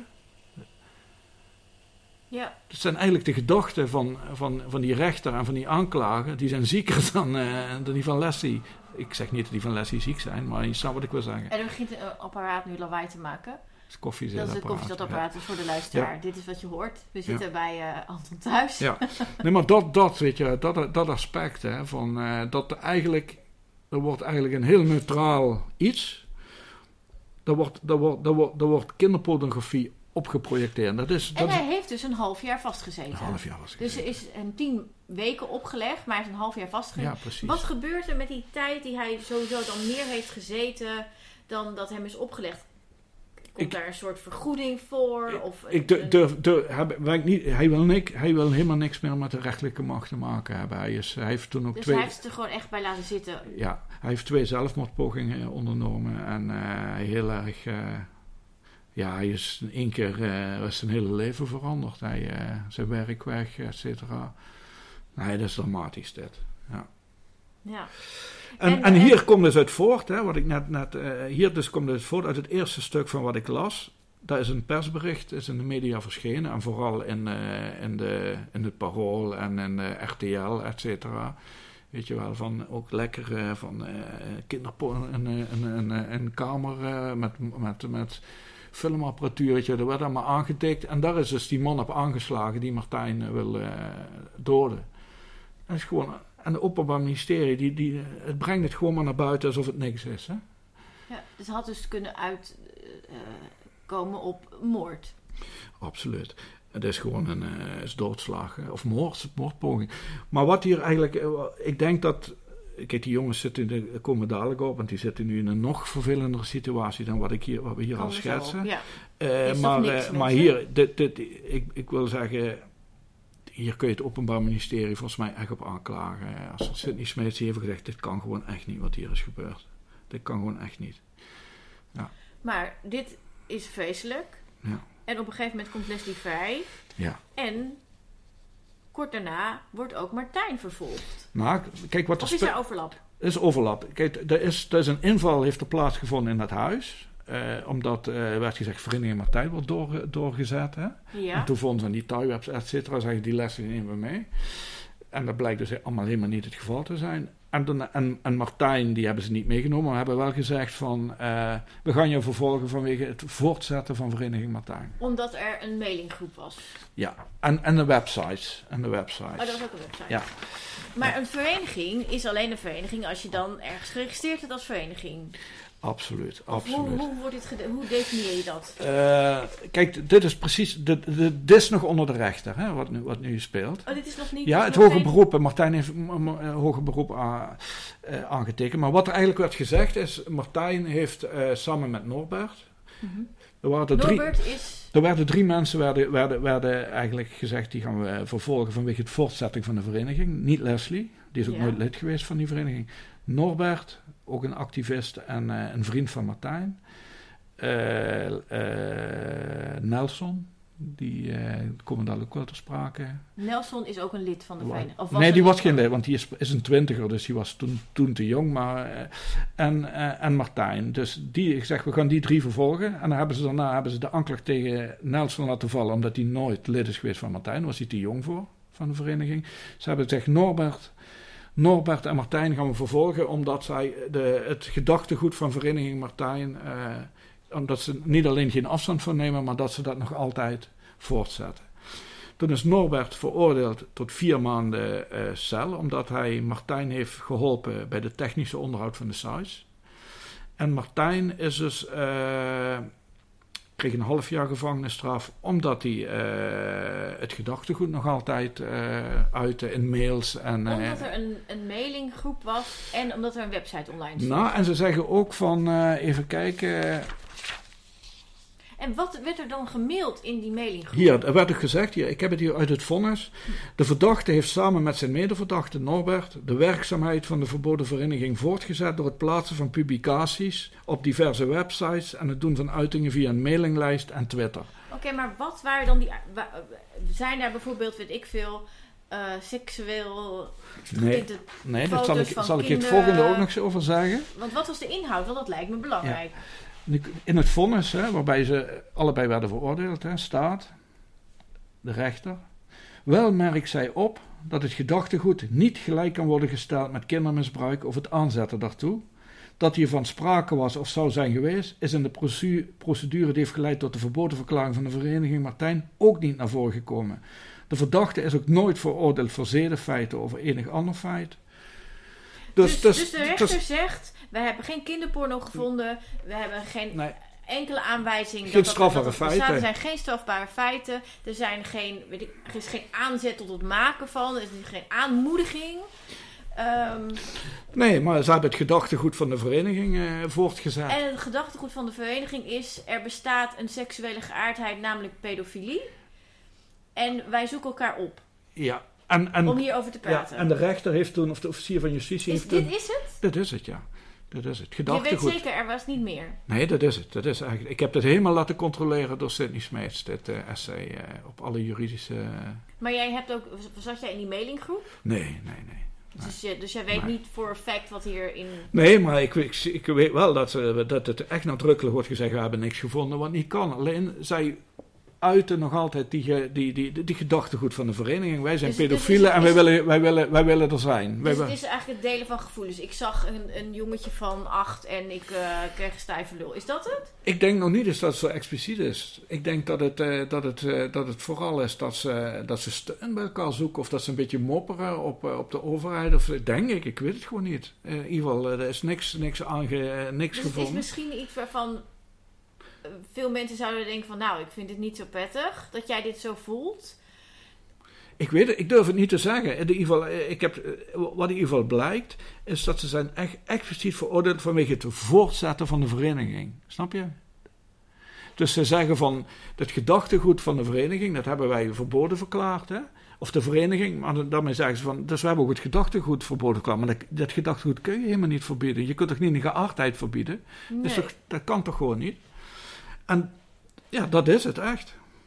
Dat is het echt. En, de, en, en ehm, Ma- Martijn is dus veroordeeld tot een half Half jaar. jaar onvoorwaardelijk. Dus die Ja. heeft gezeten. Nee, hij heeft hoger beroep aangetekend. En dat loopt nog. Dat loopt nog. Oké. Maar dat is nu natuurlijk vertraagd vanwege wat dadelijk gaat komen. Oké, eh, dit heb je volgens mij net voorgelezen, het gedachtegoed. En ik heb Ja. hier... Ja, dat is echt het gedachtegoed wat Ja, iedere keer wordt, eh, ik- wordt het- gezegd. Wat het, een citaat uit het vonnis heb ik hier. Op, van 8 maart 2022, dus dat is nog geen jaar geleden. Eh, de verdachte heeft samen met zijn medeverdachte, dat is dan die Norbert, de werkzaamheid van de verboden vereniging Martijn voortgezet door het plaatsen van publicaties op diverse websites en het doen van uitingen via een mailinglijst en Twitter. Ja. De op de sites verkondigde opvattingen komen volgens de rechtbank overeen met die van de verboden vereniging. Dat de verkondigde opvattingen grotendeels ook citaten zijn van politici en wetenschappers, wordt in het vonnis niet benoemd. Het vonnis vervolgt met deze opvallende passage. Wel merkt hij op dat het gedachtegoed niet gelijk kan worden gesteld met kindermisbruik of het aanzetten daartoe. Dat hiervan sprake was of zou zijn geweest, is in de procedure die heeft geleid tot de verboden verklaring van de vereniging Martijn ook niet naar voren gekomen. De verdachte is ook nooit veroordeeld voor zedenfeiten of enig ander feit. En dan dus toch een gevangenisstraf van Ja. zes maanden onvoorwaardelijk Ja. eisen. Ja. Dat is op zijn minst opmerkelijk. Dat is op zijn minst opmerkelijk. En eh Sidney Smees is ook die heeft, die is bezig met de voorbereiding van het hoger beroep. En eh, ja, is, dat is bizar. Oké, dus Leslie heeft een half jaar in de cel gezeten. Dat had maar tien weken gemoeten, volgens de rechter. Waarvan wij zouden denken, nou, dit is heel raar. Misschien, hij Ja. zou helemaal niet veroordeeld moeten worden. Hè? Precies. Ehm, maar hij is zo kapot hiervan dat hij het erbij laat zitten. Martijn is veroordeeld voor een half jaar cel, maar is in hoger beroep in afwachting dus van... Mhm. Hoe lang gaat dat nog duren, denk je? Ja, dat heeft natuurlijk met de zaak in Ecuador te maken. Dat ah is- ja, precies. Dus dit ja. parkeren we even. Ja. En dan besluiten, dat is onlangs, Martijn en Leslie... Nou, dat is inmiddels ook al dan weer... Ja, toch, is toch wel een jaar geleden al, denk Ja. ik. Ja, ja. besluiten Martijn en Leslie om te verhuizen naar Ecuador. En ik heb daar vragen over. Ja. Vraag 1. Waarom in godsnaam Ecuador? Zij, eh, zij- ik heb daar ook met ze over gesproken natuurlijk. Ik heb, ik heb het ze ook ontraden. Maar zij, ze kunnen dus niet... En Martijn is echt qua gezicht bekend. De wereld is best wel groot. Ja, de wereld is best wel groot, maar ze willen... eh, niet, Europa was geen optie, laat ik het ook maar even zeggen. buiten Europa is er Toen zijn, ze, toen zijn ze gaan kijken naar een land waar, eh, waar je zo goedkoop mogelijk kan leven. Mhm. En eh, waar een hotel te koop stond. Want zij wilden een veganistisch restaurant beginnen en, en, en appartementen verhuren. Zodat ze in hun, eh, in hun bestaan konden voorzien. Mhm.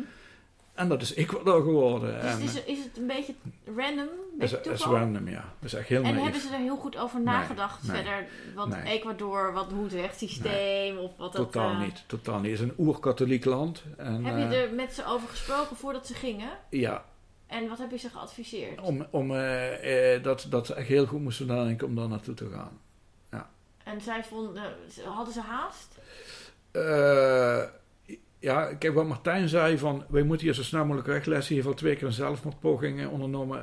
Bij een volgende is het misschien raak. Oké, en, en is het, is het, een vorm van voortvluchtig zijn omdat het hoger beroep nog loopt? Nee, nee. Want stel, het hoger beroep zeg maar, zou dan uitwijzen dat, dat Martijn inderdaad een half jaar de bak in moet. Zou hij dan daarvoor terugkomen? Nou, sterker nog, hij zou terugkomen voor het hoger beroep. Dat zou hij ook gedaan Ja, hebben. hij, daar komen we dadelijk nog op. Hij stond op het punt om naar Nederland te gaan om het hoger beroep voor te bereiden met eh advocaat. Oké, Ja. want ehm, D- er zit- de- hier zat geen vlucht voor iets juridisch in. eh. dit was gewoon, we moeten weg en we moeten... Ja, maar- maar je moet- maar het het- gaat niet goed met Leslie, het gaat niet goed met Martijn. We willen iets anders. Ons leven is hier niet... eh, Precies, Ja. we kunnen eigenlijk niet meer verder in Nederland. Waar kunnen we goedkoop leven en nog iets ervan maken? Begrijp een, nieuw leven opbouwen, ja. goed? En het werd Ecuador.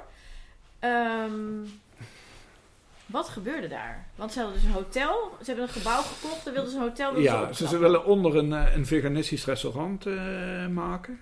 Dus, ze- dus ze hebben een gebouw gekocht en er moest heel Ja. veel aan gebeuren. Dat moest heel lang gebeuren, ja.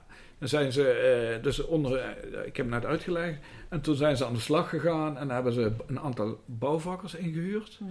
En, en Dit was afgelopen jaar. ja, en ze hebben een aantal, middels werden er opgenomen in die, in die ja, ze konden weer over straat, waar voelden zich vrij, snap je, zeker Martijn. Niemand herkende Niemand ze. herkende ze. Was wel bang, hij was bang, dus ze bleef ook in de buurt van Wisten mensen dat ze daar waren?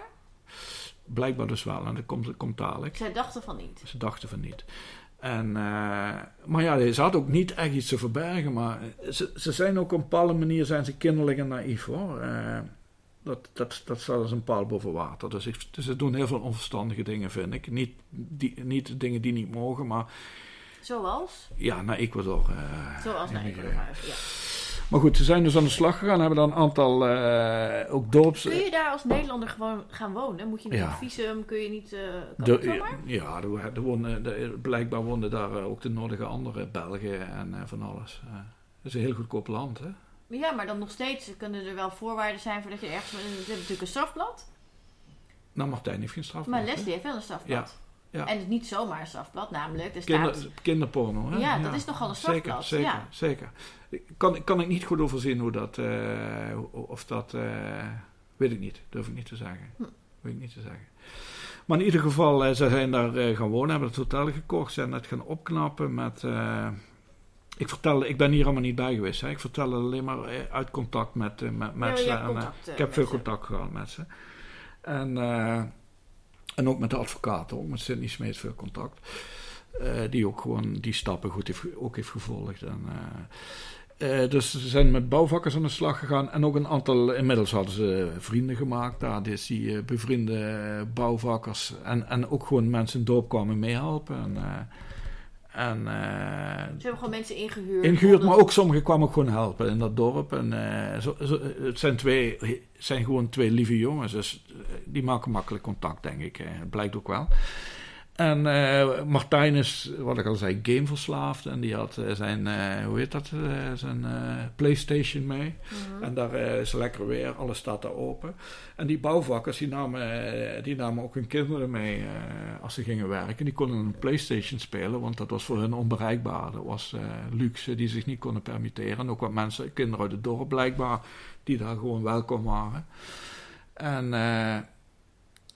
dus dat is in ieder geval, eh, wat ik begreep, ging dat allemaal prima. En op een bepaald moment eh, begonnen er eh, berichten in de media dat te verschijnen dat Leslie en Martijn een sekshotel hadden gekocht en daar waren het verbouwen. En waar kwamen die berichten vandaan? Ja, nu komt het. Dat is ook constructie e- even erachteraf, want je werd helemaal meegezogen wat er gebeurde en daarna kan je wat reflecteren. De Nederlandse pedoclub eh Free a Girl, of pedojagersclub Free a Girl. Pedo Jacob, Free a Girl. Free a Girl. Ja, die ook achter de Ja. petitie zat tegen Pim Lammers. Ja, precies, die. En eh, die, hebben een, eh, die werken samen met Operation Underground Railroad. Dat is een Amerikaanse club. Van Tim Ballard. Van Tim Ballard. En Tim Ballard is een mormoon, uh, een heel gelovig man met negen kinderen. En die, uh, die is heel conservatief en die is eigenlijk een kruisstok begonnen tegen alles wat, uh, wat, wat niet... hij claimt dat hij voormalig nee, geheime dienst... ja, hij claimt ook dat hij geheime dienst heeft gezeten. Heel veel, heel veel onzin heeft hij, in ieder geval ook aantoonbare onzin over zichzelf de wereld ingeslingerd. Maar in ieder geval, die is, die is tegen abortus, die is tegen homo's, die is tegen, tegen LHBTI, dus het gezin is heilig. Dus die man die gaat wereldwijd, heeft hij uh, heeft een aantal projecten waarin hij zegt... Een, een christenfundamentalist. Een, een christenfundamentalist die uh, eigenlijk wereldwijd zegt van... Uh, ik, ik bevrijd kinderen die ja, in, in, de seksindustrie werken, et cetera. En hij, er zijn, lopen een aantal strafzaken tegen, omdat blijkt dat hij, die, dat hij er een aantal heeft verzonnen. Mhm manipuleert, uh, dat hij uh, dingen uitlokt en uh, daarover liegt. En hij haalt miljoenen, miljoenen binnen elk jaar. En hij is bevriend met heel veel populistische staatshoofden. Van Poetin tot, tot Trump, tot et cetera. Dus, dus het is een grote man? is een grote man. En, die, en hoe, hoe, kent hij al die mensen? Hoe, hoe is dat netwerk? Weet dat je durf dat? ik niet hoe zich dat... Hij is ook een QAnon-man. Van, weet je wel, ah, QAnon, ja. ja, is hij ook van, van, uh, van de vampiers en de, en de pedo, uh, van de Pizzagate, weet je wel, van babybloed drinken, et cetera. Dus hij, hij zit helemaal in die complotten en, en heeft er een verdienmodel van gemaakt. En hij wordt ook echt Vice is, zit er heel dicht op en hij doet gekke dingen. Mensen die nu luisteren, google deze man ja, maar google even. deze man. is een hele enge man, hele enge man. En dan, ja. ja. En nu blijkt dat hij dus, uh, die Tim Ballard, die heeft dus, uh, wat ik ook begrepen heb, media omgekocht in Ecuador mm -hmm. om uh, verhalen over Leslie en Martijn de wereld in te slingeren. Dat ze een sekshotel hebben en dat ze seksfeestjes houden bij het zwembad en dat ze de kinderen drogeren en, uh, en verkrachten en verkopen, heeft hij ook een keer ergens gezegd. En hij zegt, ik heb 400 kinderen gered uit uh, dat dorp. En er is helemaal geen zwembad bij de totaal, weet je, daar beginnen er mee. Dus ja. allemaal, allemaal, allemaal verzonnen. En wat ook blijkt, is, er zijn ook, ja, goed, ik ook van horen zeggen. Hè, maar eerst, wie is hij? Wie, ja, de, de, de, hoe heb komt hij erachter dat, dat um, Martijn en Leslie... Free a Girl is die Nederlandse club. Ja. Die hebben blijkbaar. Uh, wat die worden gefinancierd door deze Tim Ballard. Nee, dat geloof, ik niet, dat geloof ik niet. Ik geloof die Free Girl ook Dit is wat Arno Grunberg volgens mij schreef ja? in het Parool. Oké, okay, dus ja. er zit toch ook een geldstroom, dat wist ik dus niet. Ja, okay. Arno Grunberg schreef onlangs in het Parool, naar aanleiding van zeg maar, de hele toestand rond Pim Lammers, dat Free a Girl deels wordt gefinancierd door Tim Ballard. Dus de organisatie van Tim Ballard, dat is ik dat, wist wel dat ze samen Operation Underground Railroad. ja. Ik wist niet dat er ook geldstromen mee gemoeid gingen, maar oké, okay, het verbaast me allemaal niks. Maar die Free Girl, die hebben dus blijkbaar Leslie en Martijn opgesnort. En, uh, en lulverhalen uh, de wereld in geholpen, van wat ik net zeg. Uh, van, dat heeft Free Girl gedaan, of dat heeft die Tim Ballard gedaan met zijn organisatie? Nee, allebei, allebei, allebei. Ja. Want die Tim Ballard met zijn organisatie, die claimen ook op de website dat zij met verschillende overheden samenwerken. Ja, precies. En dus die hebben een groot netwerk wereldwijd. Op, en dan vooral in de, in de Van, dubieuze landen. En de populistische leiders. Ja, en dat gaat ja. dan inderdaad in, in complottheorie, maar ook christenfundamentalisten. Ja, en, en anti-abortus uh, uh, fundamentalisten worden aangepakt. En, uh, het gaat Wereldcultuur, marxisten, ja, ja. die, die zeg maar de, de, de achterban van Thierry Baudet types. Daar zal wel een overlap zitten, ja. Ja. Er zit een overlap, absoluut. Maar in ieder geval, de, de, blijkbaar uh, uh, is die man aanwezig geweest bij de arrestatie van Leslie. Uh, in een in ja, maar oké, okay, oké. Okay. Ja? ja de, de, nee, maar die, die, die, twee zijn, dus dat is een inval. ik wil Martijn, laat ik, laat ik even, even één stap terug. Er begonnen dus berichten te verschijnen in die media van dat is een sekshotel en er worden kinderen verkocht en gedrogeerd en et cetera. En toen, ja, die jongens voelden natuurlijk nattigheid van wat gebeurt hier. En Martijn is daarop naar Nederland gegaan, ook om zijn hoger beroep voor te bereiden. Toen, toen deze die berichten, kwamen, in ja, kwamen. Van, van in dit, Ecuador. In Ecuador. En toen is hij opgepakt op het vliegveld. In Ecuador nog. In Ecuador, toen hij op weg was naar Nederland. En eh, ik heb toen nog contact met hem gehad, vlak voor hij opgepakt Want werd. ik lees hier in jouw Ja? stuk, zeg maar. ehm, dat, is dan, dat gaat dan over 24 juni, dus de, tijdens, de- net na de arrestatie. Ja, Schrijft het Algemeen Dagblad. De veroordeelde en sindsdien voortvluchtige pedoseksueel Martijn U. uit Hengelo is donderdagavond opgepakt in Ecuador. Ook de voortvluchtige pedofiel Leslie L. werd opgepakt. En het parool schrijft diezelfde dag: Martijn U. zou gearresteerd zijn na een klopjacht. En dan schrijft de parool verder. Volgens Free a Girl verbleven verschillende kinderen regelmatig in het huis van L en U. Zij zouden zijn gelokt met het verhaal videogames te komen spelen. In ruil voor snoep en geld zouden zij seksuele diensten hebben moeten verlenen. Ook zouden er feestjes zijn georganiseerd met kinderen aan het zwembad, waar kinderen aangeraakt en soms onder invloed van drugs verkracht werden. Er zou sprake zijn van het gebruik van tientallen kinderen, meldt Free a Girl. ja. Dat is eh aanleiding tot de arrestatie. Maar ehm, jij zegt, dit is niet waar, er is niet eens een zwembad. ehm, Ja. En er volgt wel een arrestatie. En bij die arrestatie was Tim Bellard, eh, die heeft die geleid. In, eh, in een politieuniform met een mitrailleur. Ja, ik zie hier, even kijken, dat, eh, ik ga nu een beetje, ik ga me volgen door, door de war. Hm. Maar er staat hier, ondertussen krijgt Tim Ballard een staatsbuis uit handen van de vrouw van de Ja. president van Mexico. Vanwege het ontmantelen van het netwerk Ja. van Martijn, Leslie en Nelson. Ja. Hoe het met de laatste gaat is onduidelijk. Wel bestaat het vermoeden dat Ballard een val heeft gezet en bij diens arrestatie aanwezig was. Bij de arrestatie van Leslie was hij in elk geval prominent present, gekleed in een politieuniform en voorzien van een mitrailleur. Zijn team filmde de spectaculaire arrestatie. De beelden zullen worden vertoond in een documentaire die Ballard in maart 2023, dus dat is bijna, Mhm. online wil zetten. The Hidden War. Hij beweert online dat hij van plan is om voor de promotie daarvan onder meer naar Nederland te komen. Ja. Omdat het hoge beroep van Martijn nog moet dienen, ehm Meindert Venema eh, en jij onderzoeken nu, ja, hoe, hoe nu verder. Nou, nee, dat is iets anders. Dat is Eh, het. dat is iets anders. Dat is, eh, dan komen we zo even op die sites. Nee, dat is iets anders. We- ik bedoel, hier eh, wordt nadrukkelijk... wat er eigenlijk gebeurd is, die jongens zijn gearresteerd. Martijn op het vliegveld, Leslie in het hotel In juni. in juni. En nog altijd niet voor de rechter geweest. En toen... Wacht, ze zijn dus gearresteerd. Ehm, met een verhaal dat in ieder geval deels niet klopt, want er is geen zwembad. Ja, Ik bedoel, ja ik snap even zijn- advocaat van de duivel precies, spelen. We zijn er ja. bij. Ja, we zijn er ja, bij. zeker. zeker. Ehm, dus in ieder geval deels. ja. En er is een, een Amerikaanse christenfundamentalist die heeft een politieuniform van de politie in Ecuador aan en hij heeft een mitrailleur die is daarbij en die filmt dat. Dat vind ik raar. Mhm. Ehm, er gebeuren nog veel meer rare dingen. Want wat inmiddels ook blijkt, is er is contact geweest met een eh, aantal eh, dorpsbewoners. En die Bellard, die heeft niet alleen de media betaald om eh, valse berichten te verspreiden. Maar hij heeft ook een aantal men, eh, zeg maar hoe burgers. weet je dat hij media heeft betaald? Dat, er zijn dorpsbewoners die dat zeggen. En hoe betrouwbaar is dat? Ja, ik, ik kan dan niet. Waarom zou ze het verzinnen? Weet je, dat vraag ik me dan af.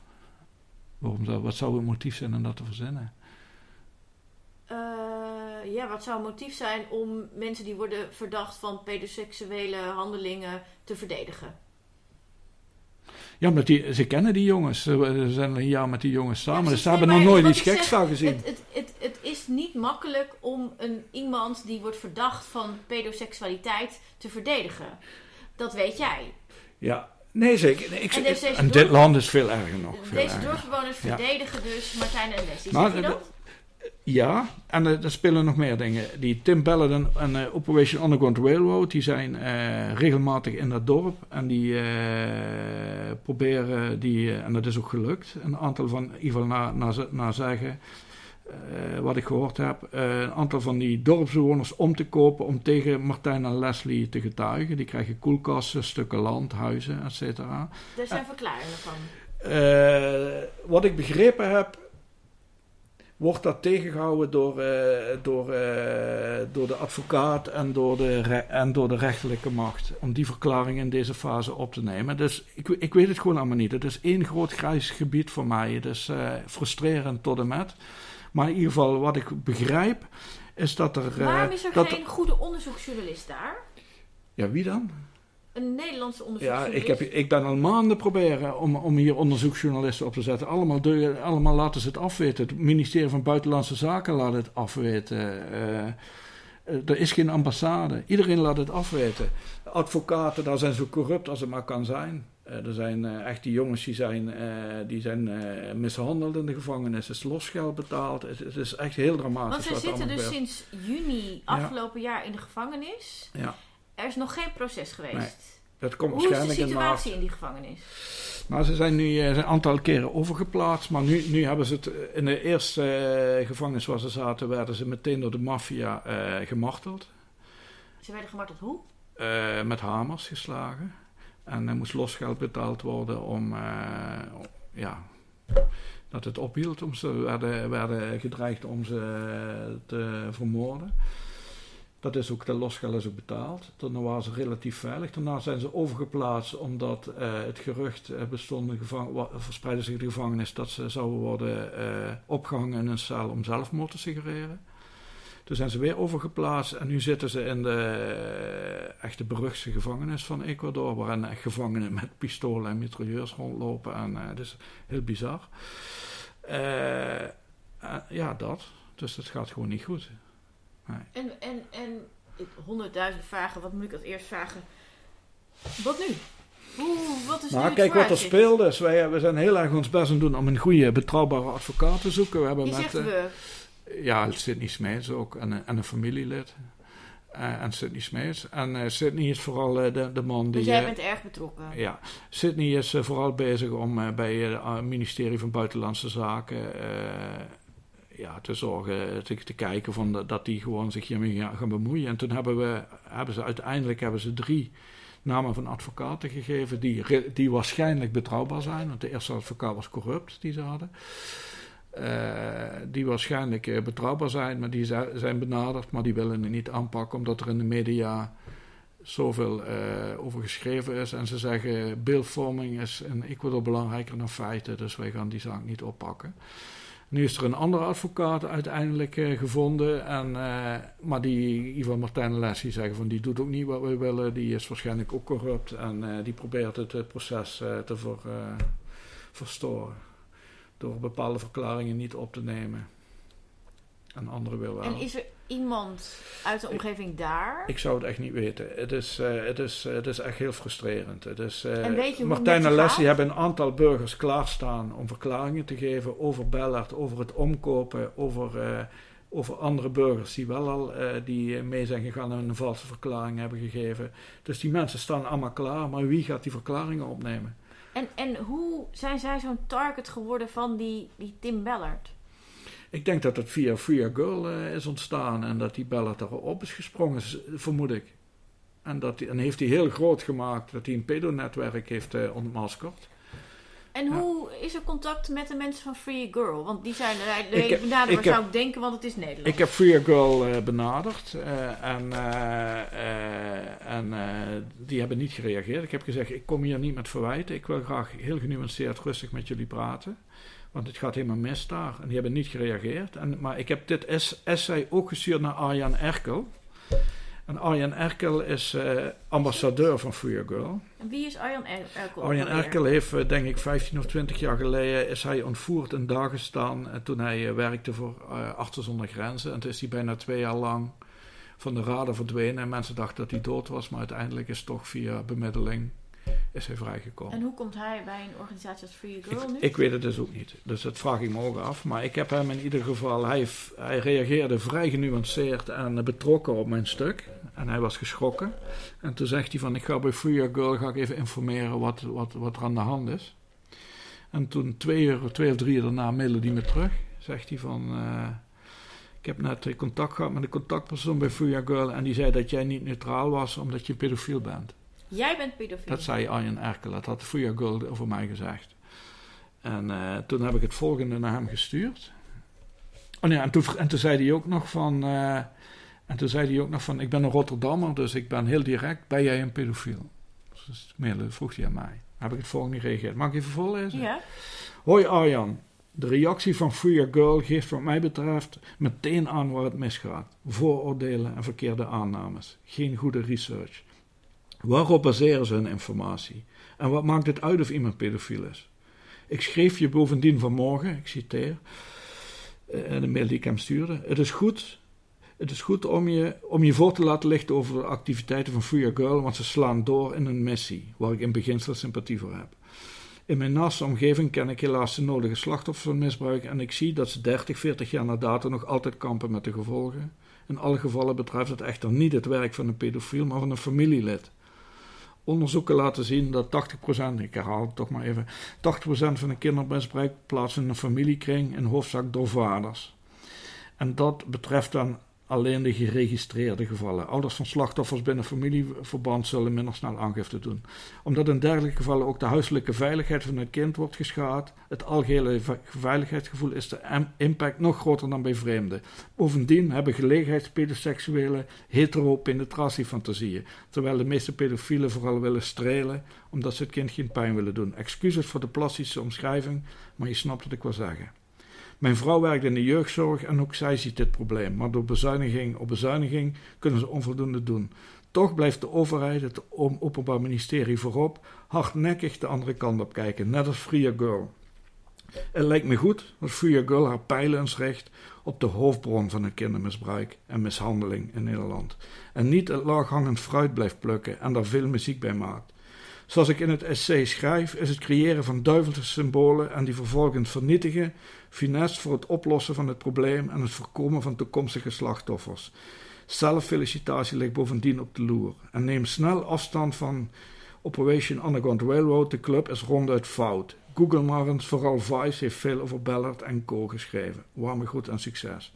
Dus dat heb ik hem gestuurd en daarop is hij in contact eh, getreden met de Free Your Girl. En dan kreeg hij als reactie, ja, eh, hij is niet neutraal, want hij is pedofiel. Dat is wat Theo Girl over jou zegt. Ja. En, en daarna heeft eh, Arjen Erkel niet meer gereageerd. En wanneer was het? 9 februari. Onlangs. Ja. Ik, ik lees hier ehm, een eh, bericht. Ik ik denk dat Leslie dat aan jou heeft gestuurd. Ja. Ik hoorde dat de kinderen bij mijn arrestatie, dus toen Leslie werd gearresteerd, Ja. 24 uur vastgehouden werden door de politie. En telkens bedreigd werden met knuppelgeweld. knuppelgeweld. Toen ze honger hadden, kregen ze geen eten. Politie zat voor hun neus te eten en ze uit te lachen.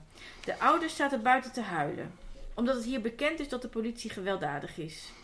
Tim Ballard was er telkens bij en bedreigde de ouders meerdere keren. Probleem is dat als je dit openbaar meldt, dan loop je hier veel gevaar. Tim Ballard kan zijn gang gaan in deze landen. Met zijn geld kan hij de politie en het OM om zijn vinger winden. En mensen durven zich niet te verdedigen. Ja. Ja, ik heb heel veel van dit soort berichten van hem gekregen. Ja. Oh, ja, waarom zou hij dit verzinnen? Eh, dat weet ik niet. Ehm, er komt dus een film uit waar, dit, waar die arrestatie dus in komt. Die is aangekondigd blijkbaar, maart. Dat is eh, volgende week. En Tim Ballard is voornemens om naar Nederland te komen. Zijn er aankondigingen van? Weten we daar iets Daar weet over? ik, weet ik niks van. Weet, heb ik nog niet eh, kunnen... Dat is de, die aankondigingen waren volgens mij in januari of zo. Ja. Oké, oké. Ja. Dus dat houden we in de gaten. Ja. Ja. Wat nu? Kijk, de rechtszaak, eh, de rechtszaak dient, eh, zoals het er nou uitziet, in, eh, in maart. En... eh, En moeten ze daarbij zijn? Of dit is het Ah, ja, zeker. in Ecuador zeker of moet, is dit in Nee, Nederland? in Ecuador, Ecuador. Daar moeten ze zeker bij zijn. en maar wanneer zijn ook in maart? Dus Ja, en, wat, en, en ze hebben nog altijd geen goede advocaat. En eh, dus het is... En kan een Nederlandse advocaat dat doen? Nee, mag niet. Mag je, mag je nooit eh, bemoeien met de rechtszaak in een land. Mag niet. Maar ik wil je hier nog één ding over zeggen. Sydney heeft een brief gestuurd naar het Buitenlandse Zaken en het Openbaar Ministerie vorige week. Want wat blijkt uit eh, de aanklacht, eh dat moet steeds via Google Translate, dat is allemaal in, het- in het eh, Spaans, heb ik gekregen. waarin staat dat Free Girl informatie heeft gegeven aan Operation Underground Railroad op basis van het Nederlands Openbaar Ministerie.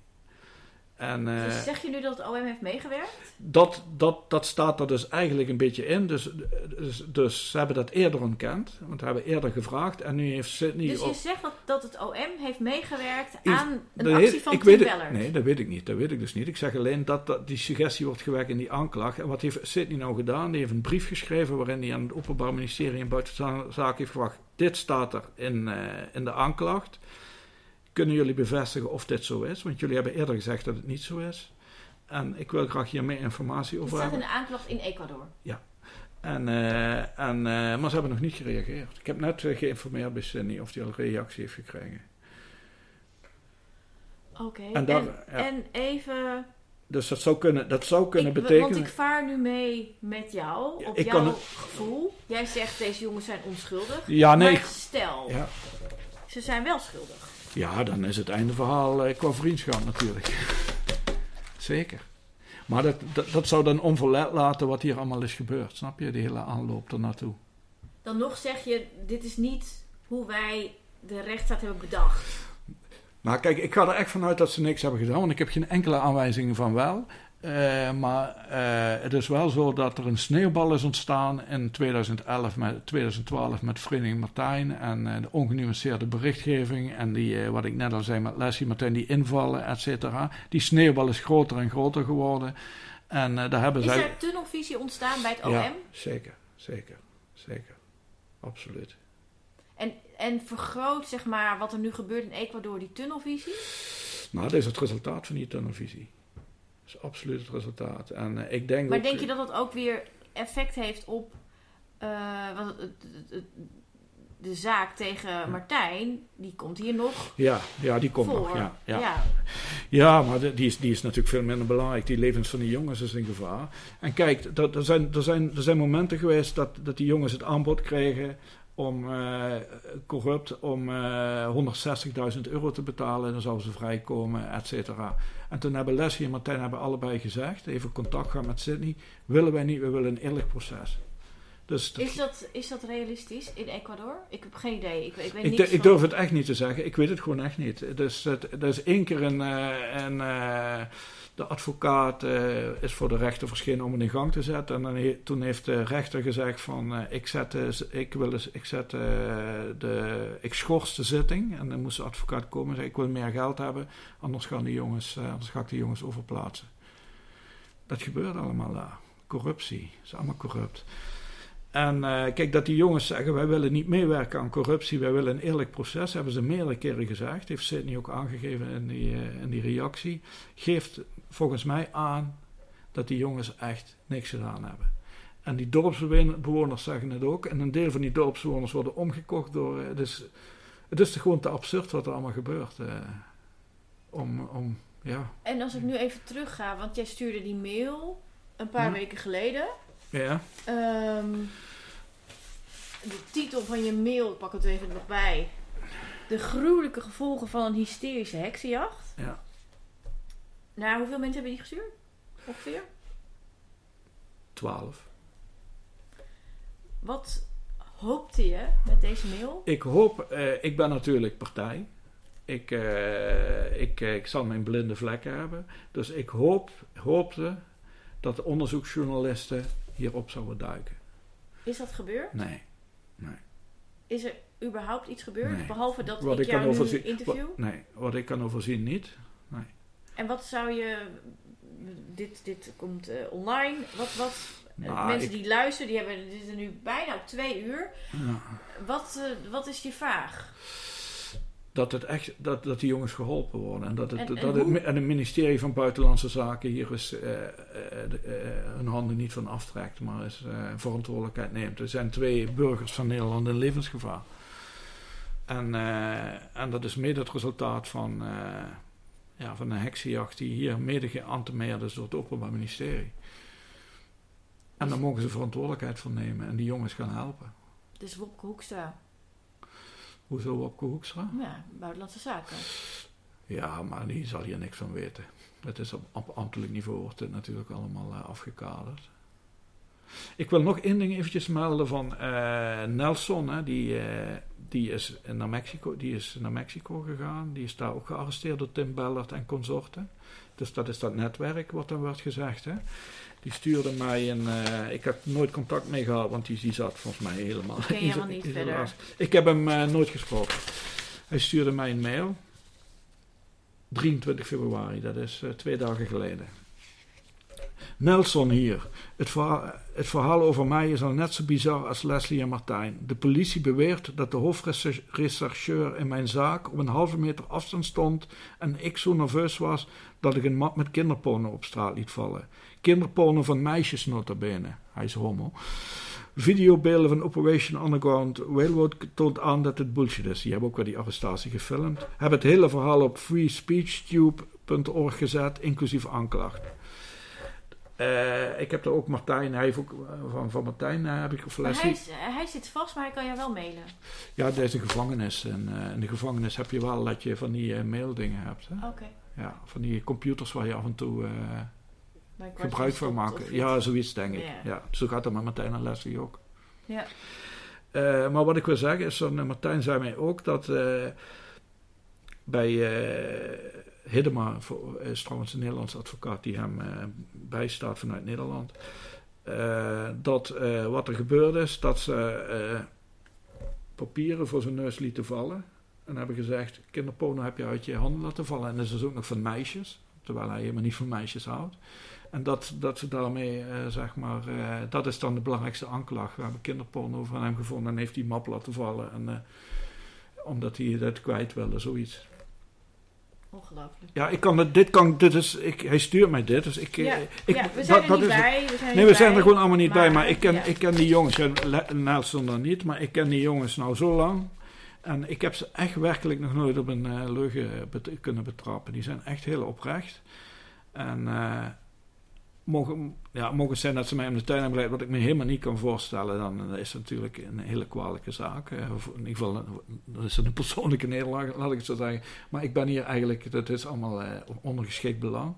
Die jongens moeten gewoon geholpen worden. En ik, eh, ik heb gewoon geen enkele aanwijzing dat die iets gedaan hebben. Het is te grotesk wat hier gebeurt. En eh, als het zo is dat het Openbaar Ministerie daar eh Free Girl, samen met Free Girl en die Op- Operation Underground Railroad, dat hebben meegeantemeerd om weer te laten zien, kijk eens, kijk eens hoe, hoe goed wij eh, deze criminaliteit bestrijden. Kunnen we weer afvinken omdat we internationale verdragen hebben ondertekend. Is dat wel een hele trieste zaak. Ja. En vooral omdat ze dan de ogen sluiten voor de daadwerkelijke problemen rondom kindermisbruik. En dat, dat, krijg je, dat krijg je gewoon niet eh, tussen de oren bij de mensen. Dat is heel gek hoe dat werkt. eh. Ik denk dat we hiermee moeten afsluiten. Ja, ik heb ook eigenlijk. ik- Ik denk dat houden. ja. ja, ik Ik, weet niet. ik, ik ja. hoop dat, ehm, dat er mensen luisteren die hier Ja. op enige manier invloed op kunnen hebben. Om in ieder geval dat het in ieder geval een, een, een, een rechtvaardig verloop van Ja, dat is deze het. zaak. Dat is het. Dat, Dat is, is het. eigenlijk wat dat is, dat is het. Dat is, dat is de bedoeling. Gebaseerd op ja. feiten en niet Ja. op framing of op een tunnelvisie, onderbuikgevoelens of Maar goed, dat is bij het. Nederlands Openbaar Ministerie wel gebeurd. Dus ik, ik hou mijn hart vast voor een land als Ecuador. eh, absoluut. Ja. Dankjewel. Ja, jij ook, eh, dankjewel. Dus, eh, en de mensen kunnen dus ook op mijn site kunnen ze het helemaal nalezen als ze het nog eens even Dit is rustig het antondoutsenberg.nl ahjdoutsberg.nl ahjdoutsberg.nl En daar daar vinden ze het vanzelf. En ik, ik, ik, ik zet er ook steeds eh, updates bij van als ik iets nieuwe Het is informatie heel heb. moeilijk om iets af te sluiten met jou. Nee, gewoon op de knop drukken. Stop! Dankjewel.